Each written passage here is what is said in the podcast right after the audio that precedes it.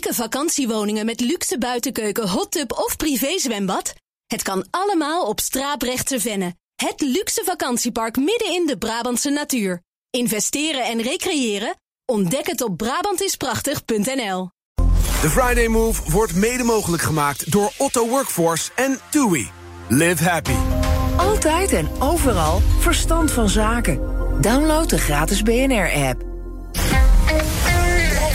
BNR Nieuwsradio. The Friday Move. Toch nog onverwacht. Die grand jury heeft nu gezegd, vervolgen die man. Well, first of all, thank you for having me. I'm extremely happy to be here. Was goed gesprek. Ik denk dat ze uit kunnen komen. Soms is het beter, in een slecht huwelijk uh, ook, uh, dat je gewoon uit elkaar gaat.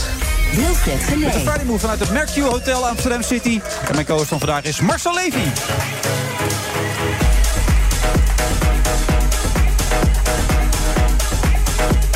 En de kanker lijkt mij bekend. Die is even DJ Thomas Robson.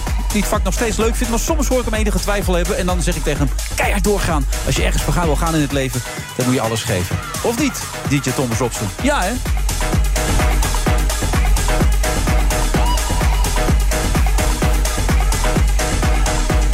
En naast me zo gezegd de voorzitter van de Nederlandse Organisatie voor Wetenschappelijk Onderzoek, Marcel Levy. Marcel, leuk dat je er bent. Ja, goedemiddag. Heb jij die twijfel ook wel eens in dat bestaan? ja, natuurlijk. Ja, ik denk iedereen wel. Maar het duurt gelukkig kort. En uh, de meeste dagen gaan eigenlijk heel vrolijk voorbij. Ja? Ja. Maar wanneer was de laatste twijfel? Nou, poeh, uh, zeker toch wel een dagje of tien geleden... dat je denkt van, waar doen we dit eigenlijk allemaal voor? Ja, maar, wat doe je het eigenlijk allemaal voor dan? Ja, dat uh, kwam ik toen ook even niet uit. Maar gelukkig een uurtje later dacht ik... ach, eigenlijk heb ik allemaal leuke dingen te doen vandaag en morgen. Dus uh, wat klaag ik? Maar als je dit aardse bestaan ooit gaat verlaten... heb je dan iets betekend op deze aardbol? Um, ja, dat kun je alleen maar hopen. En uh, dat, dat, oordeel kun je beter aan anderen overlaten, denk ik. Uh, uh, ik denk dat ik, als ik alles bij elkaar neem, dat ik best wel zinvolle dingen doe voor andere mensen of voor organisaties. Maar um, ja, nogmaals, dat oordeel, dat, uh, ik weet, dat is altijd heel moeilijk om dat zelf te geven. Ja, maar het gevoel dat je 17 ziekenhuizen runt in Londen of hier voor het AMC verantwoordelijk bent, dat voelt tastbaar. Maar wat, wat je nu doet is zoveel onduidelijker voor het grote publiek. Ja, is onduidelijker, maar dat, uh, niet heel anders dan toch die eerdere situatie. Want bijvoorbeeld, uh, de MBO geeft on, belangrijke onderzoeksbeurzen aan tientallen mensen in het begin van hun wetenschappelijke carrière die ervoor zorgen dat ze inderdaad die carrière kunnen starten en kunnen, tot een succes kunnen maken. En dan is het weer heel concreet. Dan gaat het over ja, is mensen. het wel concreet dan? Ja. Dat lijkt nog steeds zo technisch. Dan, nee, maar... helemaal niet technisch. Dat gaat gewoon om mensen die een goed plan hebben, die heel erg getalenteerd zijn en die dus een subsidie kunnen krijgen en hun onderzoeksgroep kunnen starten. Nou, hoe concreet wil je het hebben? Ja, want je hebt altijd gezegd, die wetenschap is zo belangrijk, innovatie, daar gaan wij het verschil in maken in de toekomst. Zeker Absoluut. in de wereld ook. Ja. Hoe staan we erop op dit moment? Nou, um, we gaan weer een beetje de goede kant op. Maar laten we. Kijk, Nederland staat heel erg goed aangeschreven als wetenschapland. En uh, dat geldt zowel voor de fundamentele wetenschap als de toegepaste wetenschap, als de wetenschap die je kunt gebruiken, bijvoorbeeld om uh, economische uh, uh, vernieuwingen voor elkaar te krijgen of maatschappelijke dingen te verbeteren. Dus dat is perfect. Maar die glorie is natuurlijk de glorie van investeringen van 10, 15 jaar geleden. En de afgelopen 10 jaar is er niet zoveel in onderzoek geïnvesteerd. Nee. Er zijn een heleboel Europese landen ons links en rechts voorbij gesneld. In Europa heeft iedereen gezegd: je moet 3% van het bruto nationaal product tenminste aan onderzoek uitgeven. Dat haalt Nederland niet. Duitsland zit inmiddels op 4%. Frankrijk zit boven de 3%. België zit hoger. Scandinavische landen zitten hoger. Gelukkig hebben we nu een minister die wel flink aan het investeren is geslagen in wetenschappelijk onderzoek. Maar die vruchten gaan we dus ook pas weer over tien jaar plukken. Dus, wat, wat hebben we in die tijd zitten doen? Dan hebben we zitten slapen of zo? Ja, uh, geld moest over aan andere. Nou, we hadden natuurlijk ook een regering die, die geen geld aan publieke dingen uit wilde geven. Hmm. En uh, dat is echt een misverstand, want je investeert. Het is niet dat je geld uitgeeft. Wetenschap is geen kostenpost. Wetenschap is een investering. En hele goede economen hebben uitgerekend dat die investering zich drie, vier keer terugverdient. Ja, dat maakt je ook een beetje de holleden van de wetenschap, las ik ergens, dat iemand dat over jou gezegd had. Nou, nee, dat was weer. ja, de column, van wat, ik, had een, ik had een stukje geschreven waarin ik wetenschap, topwetenschap vergeleek met topsport. Ja, wat het in zekere zin toch is. Of... Nou, dat, en die column die ging over teamsport, teleurstelling. Dat je gewoon uh, uh, toch probeert telkens um, wat, wat nog niet kon een stukje op te schuiven. Hè. Denk aan records in de sport, maar in de wetenschap is dat niet anders. De grens tussen wat we niet weten en wat we wel weten. En, um, maar die column, een heleboel wetenschappers zijn nogal overgevoelig voor de metafoor topsport. Want Ja. dan zeggen ze, ja, dan gaat het weer over winnen en verliezen. En ehm, eh, als je toevallig geen beurs kunt krijgen... dan ben je niet gelijk een verliezer. Daar ging die column helemaal niet over. Maar goed, toen was er weer iemand helemaal uit zijn dak gegaan. En dan, eh, ja, op sociale media ben je dan ik vond het snel- mooi, Holleder van de wetenschap. Dat Nou, zijn nog eens eh, ik teksten. vond- ik vond het niet echt een compliment. Nee, dat was het ook niet. Maar ik bedoel, voor iemand als Marcel Levy lijkt me dat toch even denken: hé, wat gebeurt hier? Want hoe is het om terug te zijn in Nederland? Ja, Met je columns die je nu schrijft hè, voor het Parool, HP De Tijd. Ja, nou, het is heel leuk om terug te zijn in Nederland. Weet je, Nederland, nou, nu, nu klink ik net een beetje als Mark Rutte, zo Oh bedoel ik het niet. Gaaf landje hoor ik nu al. Is echt Ja, best wel een gaaf fijn landje. land. Ja. ja, en dat zie je des te sterker als je weer een tijdje in het buitenland bent geweest.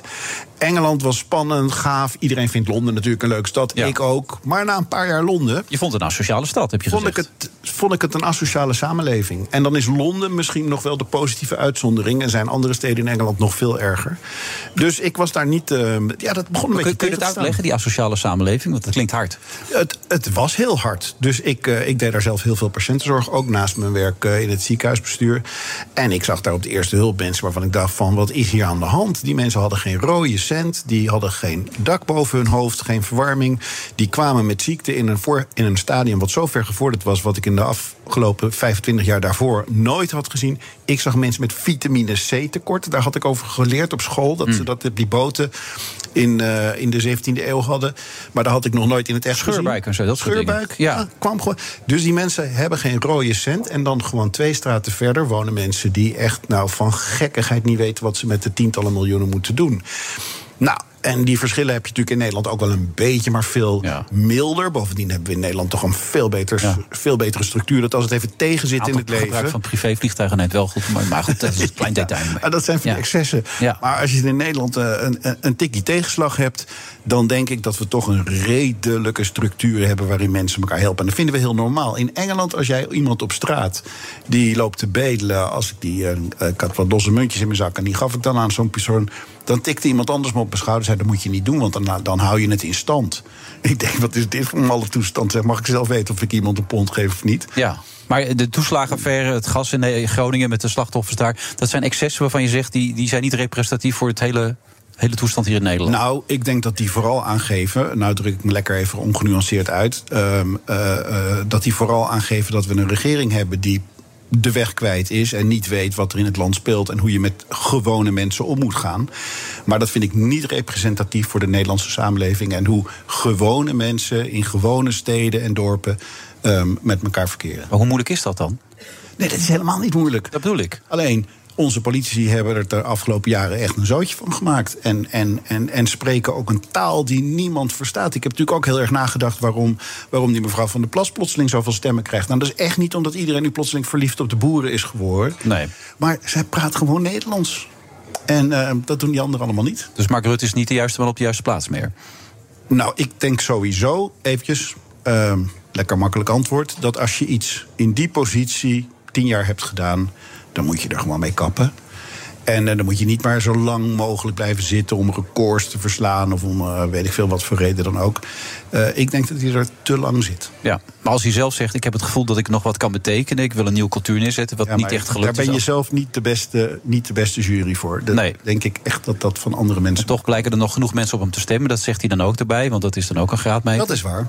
Dat is waar. Kan je niet, kan je niet tegenin gaan. Maar bij de laatste opiniepeiling, zullen we het maar eventjes noemen... eh, ging dat toch een stukje minder. Ja, nou, provinciale staten zijn een afstraffing geweest natuurlijk. En een duidelijk signaal. Ja. Maar niet duidelijk genoeg om te zeggen, we stoppen er nu al mee. Nee, nou ja, dat, eh, en dat hoeft natuurlijk ook niet... want het waren provinciale statenverkiezingen en geen landelijke verkiezingen.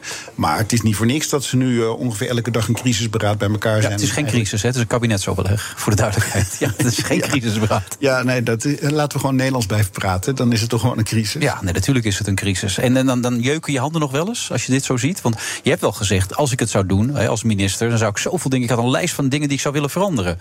Dat jeukt dan nog wel eens, dat kriebelt dan ook wel eens als je dat ziet? Aan de ene kant kriebelt het wel, want ik zit vol met ideeën. En ik denk van, goh, sommige dingen kunnen toch echt beter en eh, anders. En, eh, dus dat kriebelt, ja, Ja. zeker.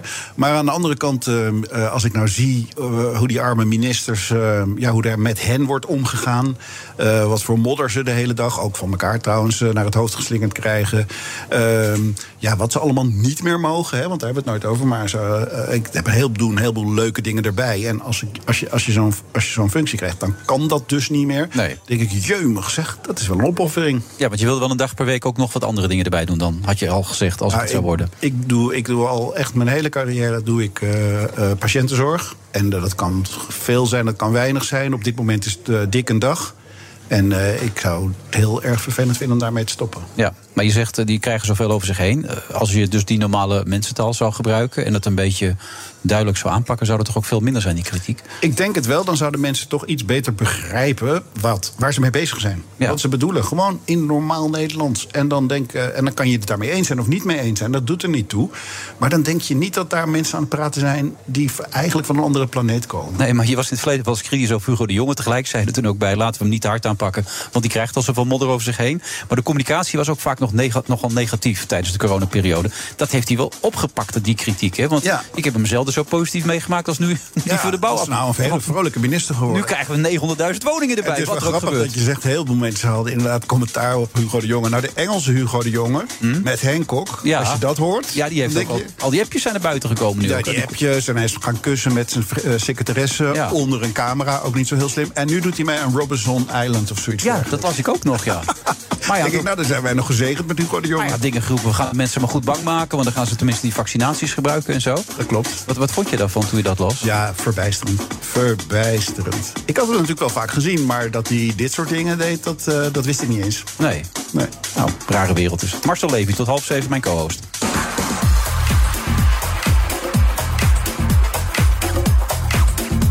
En de Friday Move dus, zo gezegd. Eh, we zitten in het eh, Mercure Amsterdam City Hotel. Ja, je moet het allemaal zo internationaal uitspreken... anders komen de mensen hier natuurlijk niet meer naartoe. Eh Marcel Levy dus aanwezig en inmiddels is ook aangeschoven Diederik Jekel. Wetenschapper natuurlijk ook, mag ik je zo omschrijven? Ja, wetenschapper? Nee, ik, ik, ben, ik ben geen wetenschapper. Maar ik doe geen wetenschap. veel ik met praat wetenschap bezig, ja. zeker. Ik ben Ja. een beetje de, de Jack van Gelder van de wetenschap. Ik roep Dr. Bergkamp, even, Bergkamp. Dus we hebben nu de, de, de Holleder van de wetenschap... en de Jack van Gelder van de wetenschap. Precies, ik dacht, Ja. ik sluit me aan. Ik zal er geen bad bij halen, maar gewoon... Nee, we houden het gewoon netjes. eh, dat Zeker. soort zaken allemaal. Zeker. Maar die, die dingen gebeuren ook in Engeland trouwens. Hè? Die gekke dingen allemaal met grensoverschrijdend gedrag, toch? Ik denk het wel. Ja. Oh, je weet het niet zeker? Nou, ik ben er niet bij. En, ehm, maar de, ja, ik denk dat ook eh, de, eh, Engeland natuurlijk niet vrij is van dit soort uitwassen. Waar, Ja. waar je machtsverhoudingen hebt, daar gebeuren gekke dingen. Dat, Of het nou in de media is, in het bedrijfsleven, Ja. de sport. Het gebeurt. dat lijkt me wel. Ja, bij Boulevard waarschijnlijk ook dan, toch? Eh, ja, ongetwijfeld. Ja, ik heb het zelf ook niet, niet meegemaakt, maar Nee. eh, ongetwijfeld. Maar Ja. ik, ben, ik ben wel echt zo'n, zeker bij Boulevard, wel echt zo'n hele linkse, woke jongen. Dus ik denk wel dat ik wel heel duidelijk dingen roep die ik niet, niet denk niet kunnen. Dus, dus misschien dat mensen daardoor afbijten in meer deze tijd. Ja. ja, Assertiever worden in deze tijd allemaal. Je gaat een eh, nieuwe podcast maken, samen met Laurien Onderwater. yes. En Laurien is wel wetenschapper, of niet? Eh Laurien is, eh, praat ook over de wetenschap. Oh. Eh, zij ehm, eh, werkt voor de Kijk. En samen met de hele kijkredactie. Oké, eh, maar zij is dan de Eva Jinek, zeg maar, van de... Zij, zij is de Eva Jinek Oké, van de nee, ik probeer ze allemaal te plaatsen nu. Ja, wetenschap. heel goed, ja. Nieuwe podcast, kijk, het experiment. Yes. Nou, vertel, ik ben benieuwd. Ja, wij, wij ehm, eh, zijn allebei houden heel erg van, van wetenschap en wat er in de wetenschap gebeurt om dingen aan te tonen. En er zijn zo ontzettend veel mooie, leuke, ontroerende, rare experimenten gedaan de, de afgelopen millennia. Dat, dat de mensen bezig zijn om achter waarheid te komen. Ontroerend.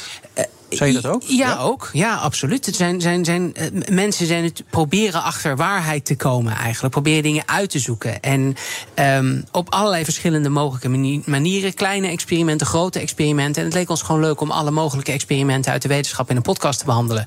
En dan gewoon op volledig willekeurige volgorde van wat wij mooie dingen vinden. Maar onroerend, heb jij dat, ken je dat gevoel erbij? Bij, Ja, bij- wetenschap is heel veel, veel, ja, veel, eh, veelvormig, heeft, kent heel veel gedaantes. Hè, We denken allemaal dat het alleen maar gaat om telescopen en laboratoria en eh, dingen die knallen en, ehm, en, eh, en, en, en spectaculair zijn. Maar er is ook heel veel wetenschap die gaat over gedrag en hoe mensen met elkaar omgaan.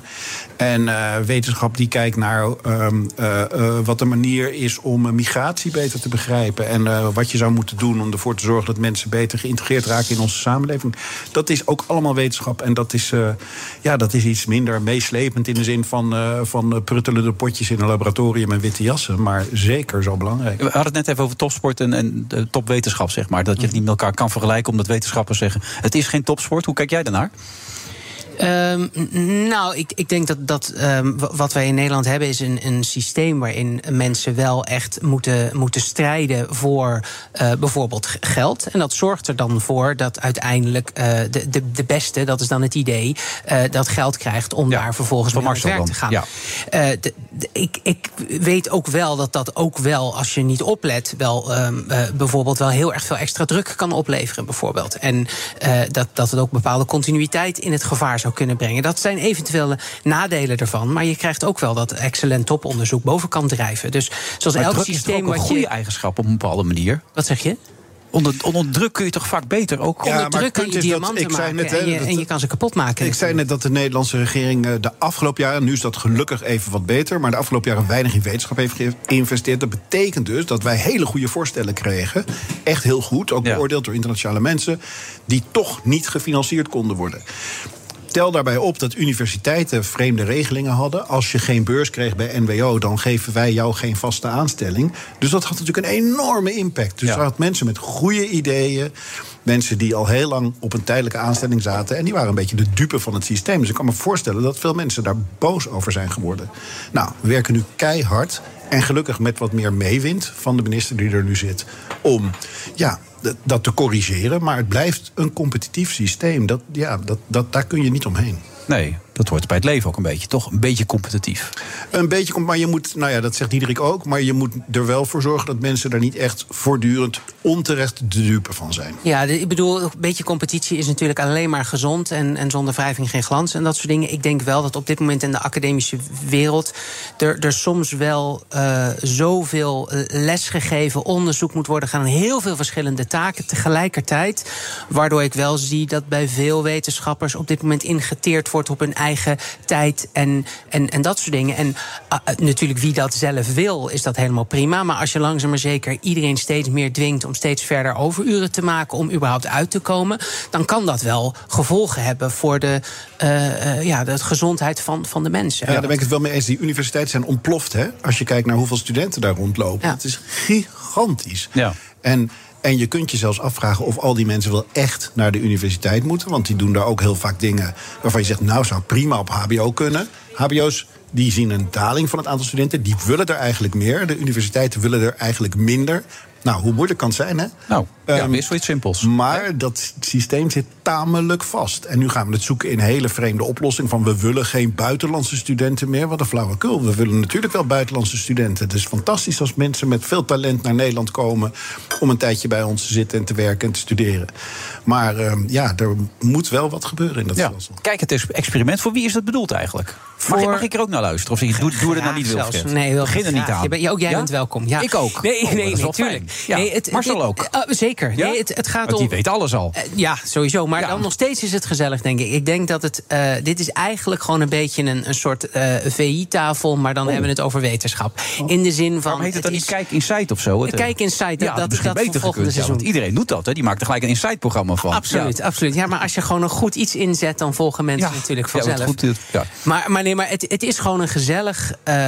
Gewoon mooie verhalen over inspirerende mensen, mooie wetenschappelijk onderzoek. En ook als je heel weinig maar neem nou eens mee in zo'n Noem eens iets. De mensen die ook op zichzelf experimenteren, begreep ik. Hè? Die, die zijn er ook veel geweest, toch? Ja, absoluut. Zou je daar een leuke anekdote over vertellen? Dat je zo, nou is een goed verhaal dit. Um, nou, er, er, zijn allerlei uh, mensen die bijvoorbeeld, ja, de, de, het hele idee, het allerbekendste voorbeeld is misschien de, de, de maagzweer, waar heel lang mensen niet wisten uh, of dat nou door een bacterie of door stress veroorzaakt werd. En op een gegeven moment was iemand die ontdekte uh, dat het door een bacterie is. En de beste manier om dat aan te tonen, vond hij, was om gewoon een cocktail van die bacterie okay. te drinken. Ja. Om vervolgens aan te tonen, zie je wel, ik heb het. En hopen dat vervolgens de antibiotica uh, Sterk genoeg was om hem te redden. iets tegen zou kunnen doen. Ja. Um, maar goed, je hebt heel veel van dat soort voorbeelden uh, in, in de. Maar een maagsfeer is dus een bacterie.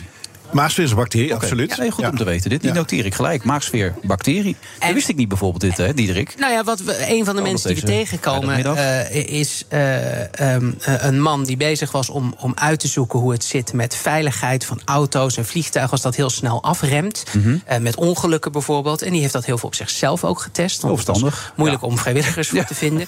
Die heeft echt dus echt een soort held is dat. En een van die experimenten die ging op een gegeven moment heel erg mis... omdat zijn assistent dat niet zo goed had voorbereid. En die assistent, als je dan opzoekt wat de naam daarvan was, dan was dat uh, ene Captain Murphy. En misschien heb je wel eens gehoord van Murphy's Murphy's, Law. Law. Ja. Dat is dezelfde Murphy. Nee, Murphy heeft gewoon bestaan. En dat was gewoon een engineer die dus op een gegeven moment zei... alles dat fout kan gaan, gaat ook waarschijnlijk fout. Eh, ongeveer, zei hij dat. Maar, maar die, dat is waarschijnlijk, zeg maar, rond die serie experimenten... die we dus ook behandelen. Is dat gaat verhaal. werken Dit- Wat is er met die Murphy uiteindelijk gebeurd dan? Die Murphy, die, die is dus, ja, op een gegeven moment... Er is eh, geks mee gebeurd aan het einde, hoop ik toch? Nee, maar hij was de assistent. Ja, dus het, het ging ja, uiteindelijk het met wel zijn lol. Het Dus, overkwam de ander. Dus dat had hij Oh, heel goed. eh, Het nog geregeld. Maar dat, het gaat vaak zat mis. Ik weet, hè, want je zegt nu maagbacterie. Nou, oké, dan ga je niet gelijk aan dood. Maar er zijn ook genoeg mensen die bacteriën of andere cocktails bij zichzelf hebben toegediend. en die er wel aan zijn gesneuveld. Zeker. Je hebt ook eh, iemand die. ehm, ehm, dat is ook wel een leuk verhaal. Die was in Rusland en die had wat te veel wodka gedronken. En die was bezig met een onderzoek naar, ehm, ja, naar nieuwe geneesmiddelen. En die dacht, ik heb een antikatermiddel gevonden. Dat is wat we nu ibuprofen noemen. Ja? En eh, ja, dat is op die manier uitgevonden. Dus het werkt ook onwijs goed. Als je te veel gedronken hebt dag Ja, dus hij is wel blijven drinken daardoor. Eh, dat weet ik niet, maar hij is er wel heel beroemd eh, door geworden. En we hebben ook iemand die had uitgevonden dat je misschien een hartkatheterisatie kon doen. En dan ga je met een slangetje door de bloedvaten naar het hart en dan kan je Ja. opspuiten. En die heeft zijn ehm eh, assistenten vastgebonden en Nee. het eh, tegen haar wil bij haar gedaan. Daar is hij Ja. wel door in de gevangenis beland. Dus Ja. het wel. grensoverschrijdend gedrag is van alle tijden, zullen we maar Ja, zeggen. maar ja, het- uiteindelijk was het wel succesvol. Anders hadden we dat niet geweten, toch? Ja, maar hij had het toch misschien op een iets meer ethische manier kunnen onderzoeken. Even voor de duidelijkheid, jij maakt toch die podcast? Ik hoor je nu. eh, Zeker niet, maar Marcel, dat Marcel die- ik hoop dat hij de volgende seizoen zeker langskomt. Ja, wat wil je ook met gasten werken? Nou, we, we werken ook met gasten, dus ehm, eh, we proberen ook echte wetenschappers die er dus iets mee te maken hebben te interviewen. Dus we hebben bijvoorbeeld iemand die eh, een, eh, heeft zelf diabetes gehad en die heeft een externe alvleesklier zelf in elkaar gezet omdat hij zijn diabetes zat was. Die is op zichzelf in de garage gaan uitproberen. dat, dat die hebben geïnterviewd en inmiddels heeft hij een bedrijf van 70 werknemers. En heb ik toevallig, ik ben patiënt rond de 23 Oh. die meedoet met het experiment. Met een kastje om je mo- om je Eh, middel, ja. Ja, en, en twee slangetjes die in mijn buik gaan. Dit, dit ding regelt dus wat dat betreft mijn eh, diabetes op dit moment. Maar moet je dan, dan altijd om hebben of zo nu en dan? Daar moet je dan altijd om hebben, maar Oké. die zorgt er dus voor dat jij er zelf niet meer over hoeft na te denken, bijvoorbeeld. En dat is allemaal begonnen in de garage eh, van een, een, een tukker uit Goor, eh, die, die dat gewoon zelf in zijn eigen garage is gaan doen. En, en zo proberen we dus alle, eh, altijd, elke aflevering ook een wetenschapper te ontmoeten die dat daar zelf mee bezig is. En ja, van, van een heel klein experiment waarmee de omtrek van de aarde bepaald is door een stok in een put te steken, tot deze aflevering hebben we iemand die bezig is om de grootste zwaartekrachtstelescoop naar Nederland te halen, de Einstein-telescoop. Daar moet de voorzitter van NWO heel blij mee zijn dat dit gebeurt. Om het een beetje onder de aandacht te brengen. Heb je al nog geld nodig? Of, eh, Nou, de, de Einstein-telescoop, nou, de Einstein-telescoop, daar is gelukkig al wel veel Oh, eh, eh, geld voor. Maar daar zijn we nu heel erg druk mee bezig om te kijken of dat ding daadwerkelijk gebouwd kan worden. Oké. Eh, in Nederland en niet bij Italië bijvoorbeeld. nou, noteer even zijn nummer zo dan. Misschien dat er nog Nou, wat... maar Levy weet daar alles van. Ja, die weet er alles van. Ja? Zeker weten. Ja? Gaat dat gebeuren? Eh, als het aan ons ligt, gaat het gebeuren. Het wordt nog een wedstrijdje tegen Een Italië. wedstrijdje. Kijk. Absoluut. Toch weer topsport. Want die willen hem ook hebben. Ja. Maar we denken dat we voorstaan. Absoluut. Met hoeveel? Eh, met eh, heel veel miljoenen. Oh, Daar gaan oké. we met tegen Italianen kun je nooit winnen, maar altijd verliezen. Hè? zei Johan Cruijff. Dus, Klopt. eh, ja. En het is nog, de strijd is ook nog niet gestreden. Maar we hebben al eerder van ze gewonnen. Dus eh, waarom niet? Zo is het wel. Leuk dit, dit Diederik. En overal te beluisteren nu, neem ik aan. Allerlei podcast-apps en zo. Ja. Het is echt leuk voor iedereen. Het, ook als je niet zoveel van wetenschap weet. Het is gewoon, het zijn gewoon leuke verhalen. Ja. Je steekt er nog wat van op ook. Beetje eenzijdig type die gewoon meer van sport houdt en dat soort dingen. Die kan er ook lekker naar luisteren. Dus. Ik, ik, ik hoop het. Ik ga ervan uit van wel. Het is gewoon gezellig en leuk. Ik ga het gewoon proberen. Kijk het experiment. Overal te beluisteren. Diederik Jekel en Laurie Onderwater. Hè? Super bedankt. Dank dat je er was. Unieke vakantiewoningen met luxe buitenkeuken, hot tub of privézwembad? Het kan allemaal op Straaprechtse Venne. Het luxe vakantiepark midden in de Brabantse natuur. Investeren en recreëren? Ontdek het op Brabantisprachtig.nl. De Friday Move wordt mede mogelijk gemaakt door Otto Workforce en TUI. Live happy. BNR Nieuwsradio. The Friday Move. Toch nog onverwacht. Die grand jury heeft nu gezegd, vervolgen die man. Well, first of all, thank you for having me. I'm extremely happy to be here. Was een goed gesprek. Ik denk dat we eruit kunnen komen. Soms is het beter in een slecht huwelijk eh, ook eh, dat je gewoon uit elkaar gaat. Wilfred Ja, hoe slecht is dat huwelijk daar in Den Haag? We horen zometeen van Leendert Beekman.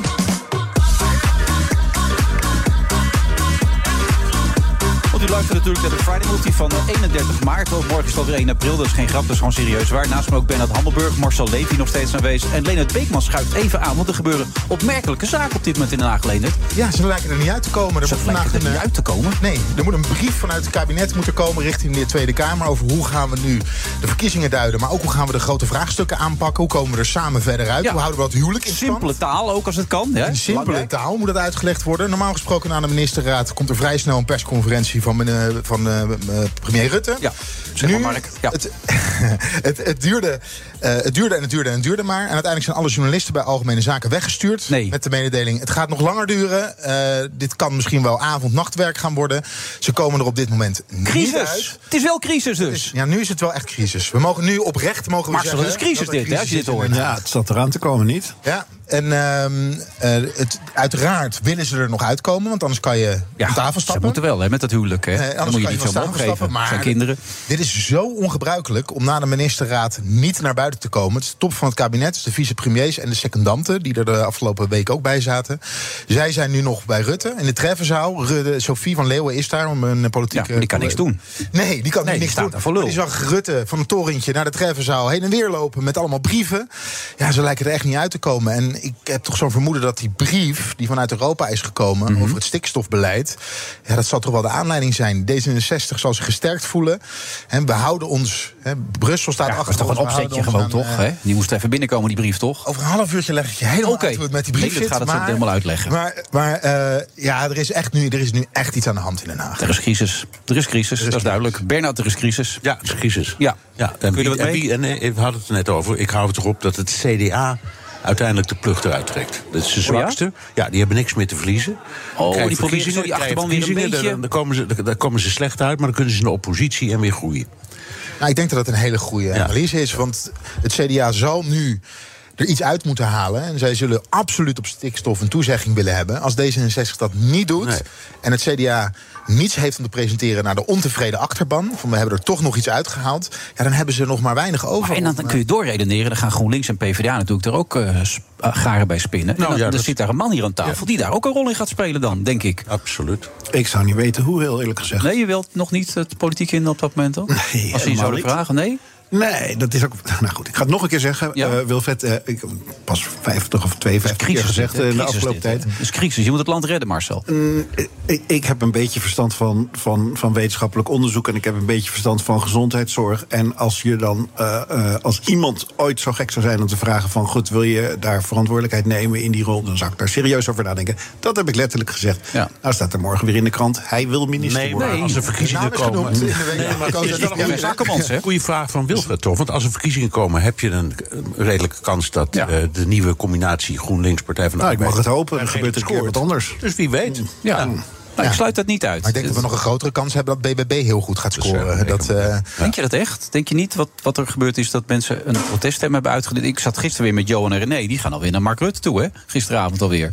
Ja, en misschien als je er als er wat tijd overheen was gegaan. En, en in de provincie zou BBB dan ook moeten laten zien dat ze kunnen presteren.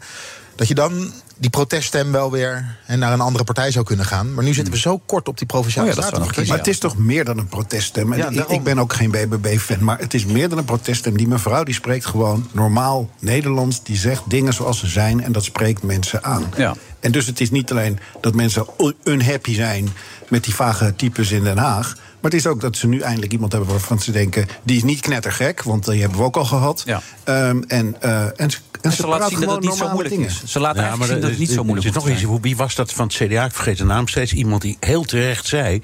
De fout die dit kabinet heeft gemaakt. is dat het achter elkaar de bevolking bekogelt met bevelen.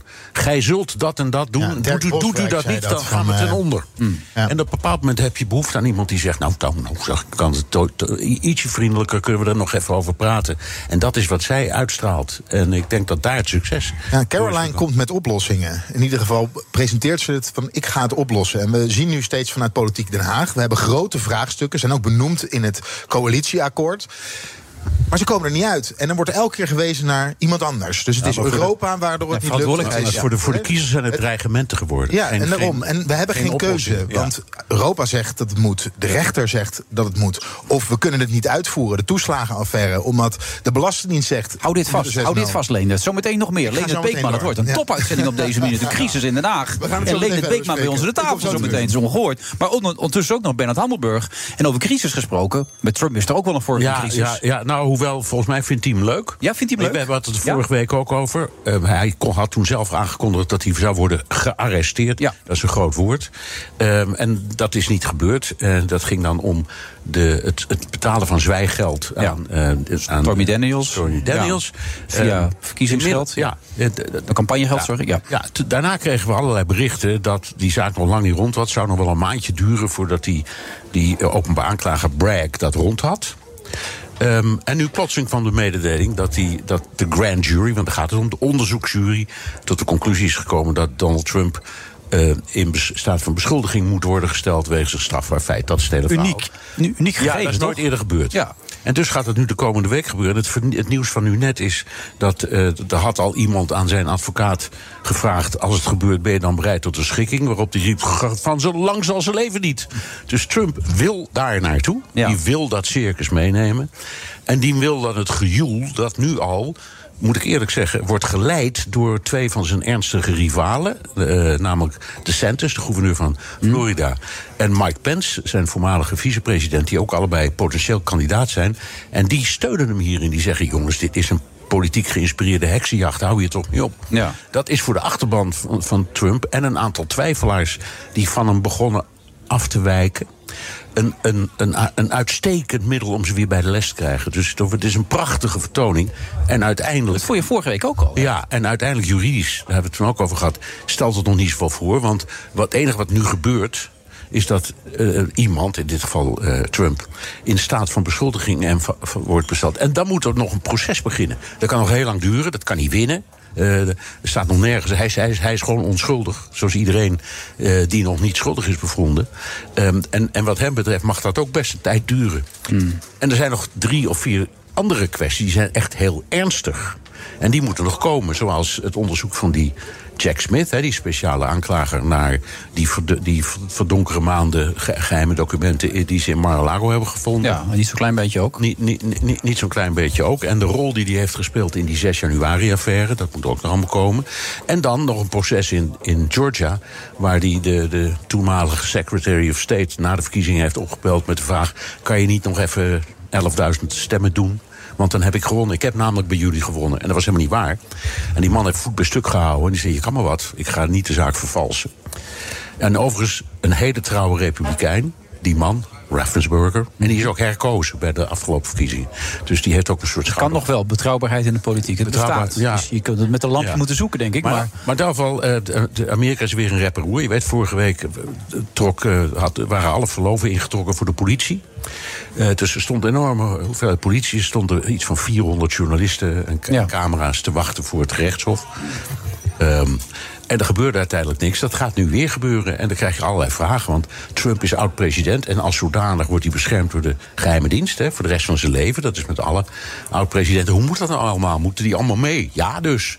Die moeten allemaal om hem heen mee eh, eh, die rechtszaal in. Dus het wordt een prachtige vertoning. ja, jij blijft het maar een prachtige vertoning Ja, ik noemen. vind het een prachtige vertoning. geweldig. Stormy Gate. Ja, Maar- ja, vind- ondertussen valt er zoveel nog te regelen voor de mensen daar in Amerika. Ja, wel, dat natuurlijk. En, eh, maar er is een regering en Ja. een kabinet en, Ja, dat weet ik en, wel, en maar een congres. dus dat- afgeleid door zaken waarvan je denkt, gaat jawel, maar dit is, dit is typisch iets voor de toeschouwers. Mhm. Ehm, en, en zegt het, gewone politieke spel, dat gaat door. En eh, nou ja, Ja, met Joe Biden die echt in de peilingen maar blijft dalen. die blijft maar dalen, ja. ja dat, gaat, eh, dat gaat slecht. En dat heeft te maken met de inflatie die maar niet weg wil. Hoewel het beter gaat dan we dachten. Eh, en, en, en dat gebeurt ook ondanks het feit dat de banengroei spectaculair is in Amerika. Dus het gaat, het gaat ook economisch helemaal niet slecht met Amerika. Maar het beeld dat de Amerikanen hebben is duur. Alles is duurder. Hmm. Ehm, en ik geef wel eens het voorbeeld hè, van de staat Montana. Dat is in omvang de nummer drie na Californië en, en, en Texas. Een hele grote staat, maar er wonen maar 900.000 mensen. Ehm, en die doen die elke dag rijden die mensen 2,5 uur s morgens met hun kinderen naar school en dan naar hun werk. En aan het einde van de dag datzelfde eind weer terug. Als in die staat. er zullen toch wel een paar mensen in de buurt van zo'n school wonen, of niet? Nee, bijna Nee? niet. Nee, het is zo. Het is echt, geen idee. Compleet. Het is echt ongelooflijk. Als in zo'n staat de benzineprijs met een duppie omhoog gaat, dan, dan kan de helft van de bevolking geen vlees meer eten. Ik noem maar wat. Zoiets. Zo hard is dat. En dat zijn de dingen die de mensen voeden. Dus, en dat gevoel, ja, dat hebben we hier ook een beetje. Dat al- alles wordt zo duur en ze doen niks. Dat is dus daar ook. En het is zeer hevig. En dat is wat op het ogenblik, denk ik, eh, Biden. Maar, maar Marcel zei eerder, gewoon de taal van het volk spreken... zoals ook Caroline dat doet. Dat ontbreekt er daar ook aan, vind jij? In Ja, Amerika? Ja, dat vind ik eerlijk gezegd wel, ja. Ik vind dat eh, Biden, is, eh, is iemand die spreekt, die, spreekt eh, het politieke jargon van, van 30 jaar geleden. Dus als je naar zo'n praatje luistert, is altijd heel keurig. En je kunt zien dat hij op de autocue heeft aangegeven waar hij even moet stoppen en waar hij even moet lachen, bij wijze van spreken. Maar het is ouderwets. ehm, het, het spreekt niet aan. Het is ook logisch, het is een oude man. Ja. Ehm, en het is, er zit geen greintje charisma in die man. Als je dat nou vergelijkt met Trump. Maar wat je ook, mannen kunnen het er ook wel wat je ook, Ja, Trump is ook eh, Ja. 76. Maar, maar als je, maar, ehm, als je het vergelijkt met Trump, wat je ook van hem vindt. Als die man ergens komt en hij doet zijn mond open, dan hangen ze aan zijn lip. Ja. Echt fantastisch wat hij wil Dat we het bij jou hebben, hè? We zitten gewoon ademloos te luisteren, nu allebei, Marcel. Ja, en, bij, en, bij, en bij Biden zitten ze te gapen en denken: wanneer kunnen we weg? Dat is, goed, oh, dat is gewoon feit. Ja. ja, zo werkt dat nou eenmaal. Maar rare wereld waar we in zitten met z'n allen. Wat zeg je? Het is tijd voor nieuwe politici. Laurens Dansen Nou. en dat soort types. En Nou, nou. Kijken of die een beetje hè, Ja, ja. tot normale taal kunnen Nou, verzoenen. dat zou, weet je, we hadden het net over de Nederlandse crisis. Maar als die ertoe zou leiden dat alle partijen gewoon al hun kopstukken opdoeken. en dat er gewoon een nieuwe generatie komt van frisse jonge mensen met leuke ideeën. Ja. Nou, daar zouden we een heel stuk mee vooruit zijn. gegaan. Ja, het geldt eerlijk gezegd voor de meeste democratieën, inclusief de Amerikaanse, wel heel erg. Want dat is een, de, zeggen, de politiek is een geriatrische inrichting in Amerika. Nou ja, zeggen, je kunt ze toch iets jonger vinden dan Biden en Trump mag ik hopen. Nou, hè? ja, Ietsje jonger. Ja. Hoeft niet eens tien jaar te zijn. Er is al heel wat daar in dat land. Ongelooflijk. Als dat maar niet geldt voor eh, goede journalisten zoals jij. Dat, die kunnen eeuwig door, toch? Jawel. wel. Ik, ik Een beetje historisch perspectief is ook wel fijn. Ja, vind ik ook, ja. Die jonge blagen die denken alles beter te weten en zo. Hè, verschrikkelijk allemaal. Bernard, bedankt me weer? Oké, bye.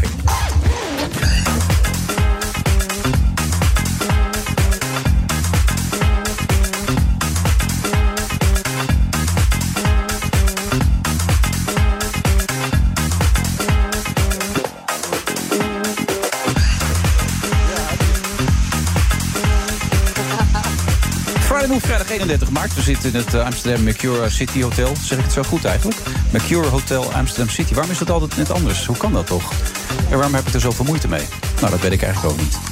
Eh, je kent hem goed volgens mij, Marcel, of niet, eh, Bernard? Want je kwam elkaar toe als, als oude vrienden. Ja, ja, ja, we zitten in hetzelfde clubje.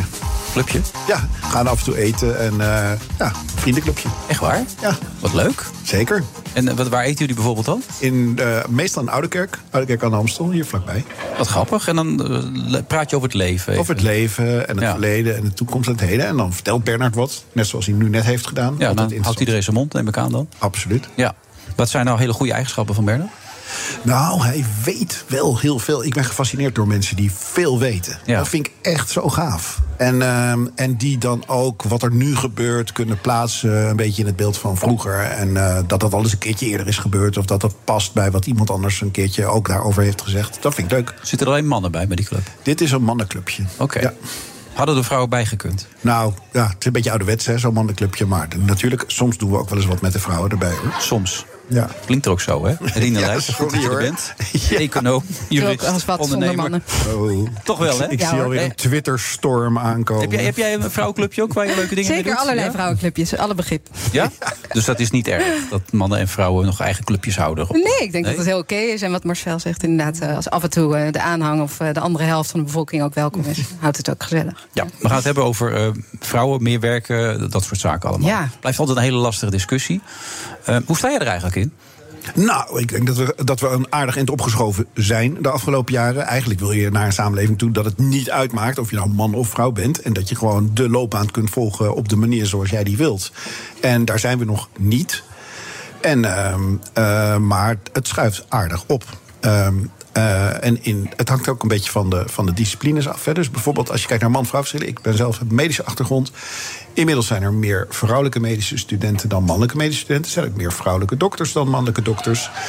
Maar er zijn nog niet meer vrouwelijke specialisten dan mannelijke specialisten. En er zijn nog zeker niet meer vrouwelijke hoogleraren dan mannelijke hoogleraren. Dus, en dan kunnen mensen zeggen dan, ja, dat is een kwestie van tijd. Ja, dat is een kwestie van tijd. Maar als je het gaat uitrekenen, dan kost het nog 40 jaar of zo tot we Ja, 40 jaar?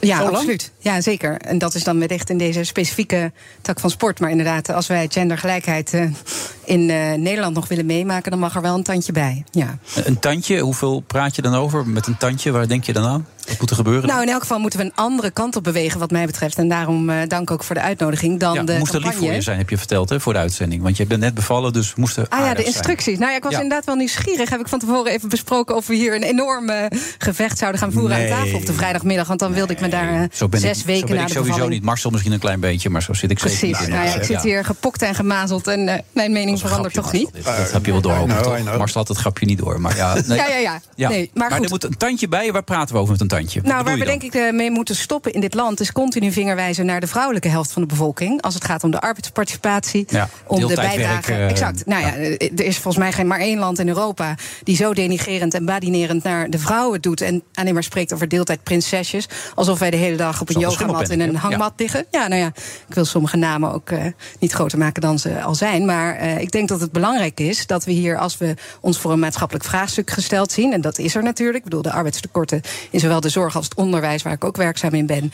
zijn evident en zijn dringend. Maar om dan weer nu, zoals een aantal decennia geleden ook weer nu de vrouwen in actie te laten komen. Dat is wel een heel eenzijdige kijk op de dingen. Ja. En dat tweeledig. De nieuwe campagne van de overheid heb je nieuwe nu ook campagne over. van de overheid, inderdaad, die, als ik het goed begrijp, beoogt te stimuleren dat vrouwen overwegen om meer betaald te gaan werken. Hmm. En het woord betaald vind ik daar heel belangrijk. Want weet je, ik had gisteren ook een dag, natuurlijk zes weken geleden, een kindje gekregen. Maar eh, dan heeft de oudste heeft, eh, nou, iets aan de voet, een blaar. Dat moet gezien worden door de huisarts. Mijn man werkt voltijds als medisch specialist toevallig ook. Nou, zeer inflexibele werktijden, daar weet u alles van. Eh, dus dan sta ik daar bij die huisarts. Nou, het is werkelijk een dag. Ik vind dan achter een laptop essays nakijken van studenten... vind ik een easy dagje vergeleken met zo'n dag racen... met meerdere kinderen van Ja. huisarts naar slaapjes. En als samenleving is het belangrijk dat we dat werk ook waarderen. Lynn Berger, eh, journalist en eh, auteur... die werkt voor de correspondent, heeft daar net een boek over uitgebracht. Ik werk al, ik word er alleen niet voor betaald. En dat is essentieel. Als econoom is ook ehm, nu steeds meer... ehm, op de voorgrond de achterhaalde definitie eigenlijk van het BBP. Het bruto binnenlands product, waar we natuurlijk eenzijdig, zeker in een neoliberaal model, alle eh, pijlers op richten. Maar dat heeft een keerzijde. Want al die mensen die al die waarde creëren, moeten ook eten s'avonds. En die moeten een schone onderbroek aan de volgende ochtend. Dus was moet worden gedaan. en er moet worden gekookt. Ja. ja. dat is wel handig, althans. Het Ja, lijkt niet, maar ook, het lijkt me fris. Dus dat werk heeft ook een economische waarde. Dat moeten we gaan waarderen. En Nederland loopt behoorlijk achter in het wijzen op het zogenaamde onbenutte werkpotentieel van vrouwen. Je zou ook kunnen kijken naar het onbenutte zorgpotentieel van mannen. En dan vind ik het belangrijk hier. Hè, we zitten vrijdagmiddag. We, nou, ik zit toevallig aan Oh, je, zit ook goed in je verhaal. Precies. Ja. Nee, maar goed, het moet wel gezellig blijven. En ik vind het ook heel belangrijk dat we hier niet polariseren. Dat ik hier niet met de vuist op tafel zit te rammen. En jullie moeten meer zorgen, want anders eh, voelen wij ons weer achtergesteld. Het is Ik belangrijk. voel me ook geen het geel niet aangesproken in dit Gelukkig. geval, Nee, ik vind het ook tot op heden heel gezellig onderhouden. Nee, als ik me erin had herkend, had ik er zo meteen in met gesprek ben ingegaan. Precies, Maar ja, inderdaad. Nee, Ja. de benen zijn volgens, nog, eh, volgens mij aan weerszijden niet gestrekt. Maar ik denk dat het belangrijk is dat we dit met elkaar doen. En dat we ook vooral niet ons blind op die vrouwen. Om even een dwarsstraat te noemen. Je hebt allerlei manieren om natuurlijk die tekorten in de zorg op te lossen. Ik ben ook heel benieuwd naar uw perspectief.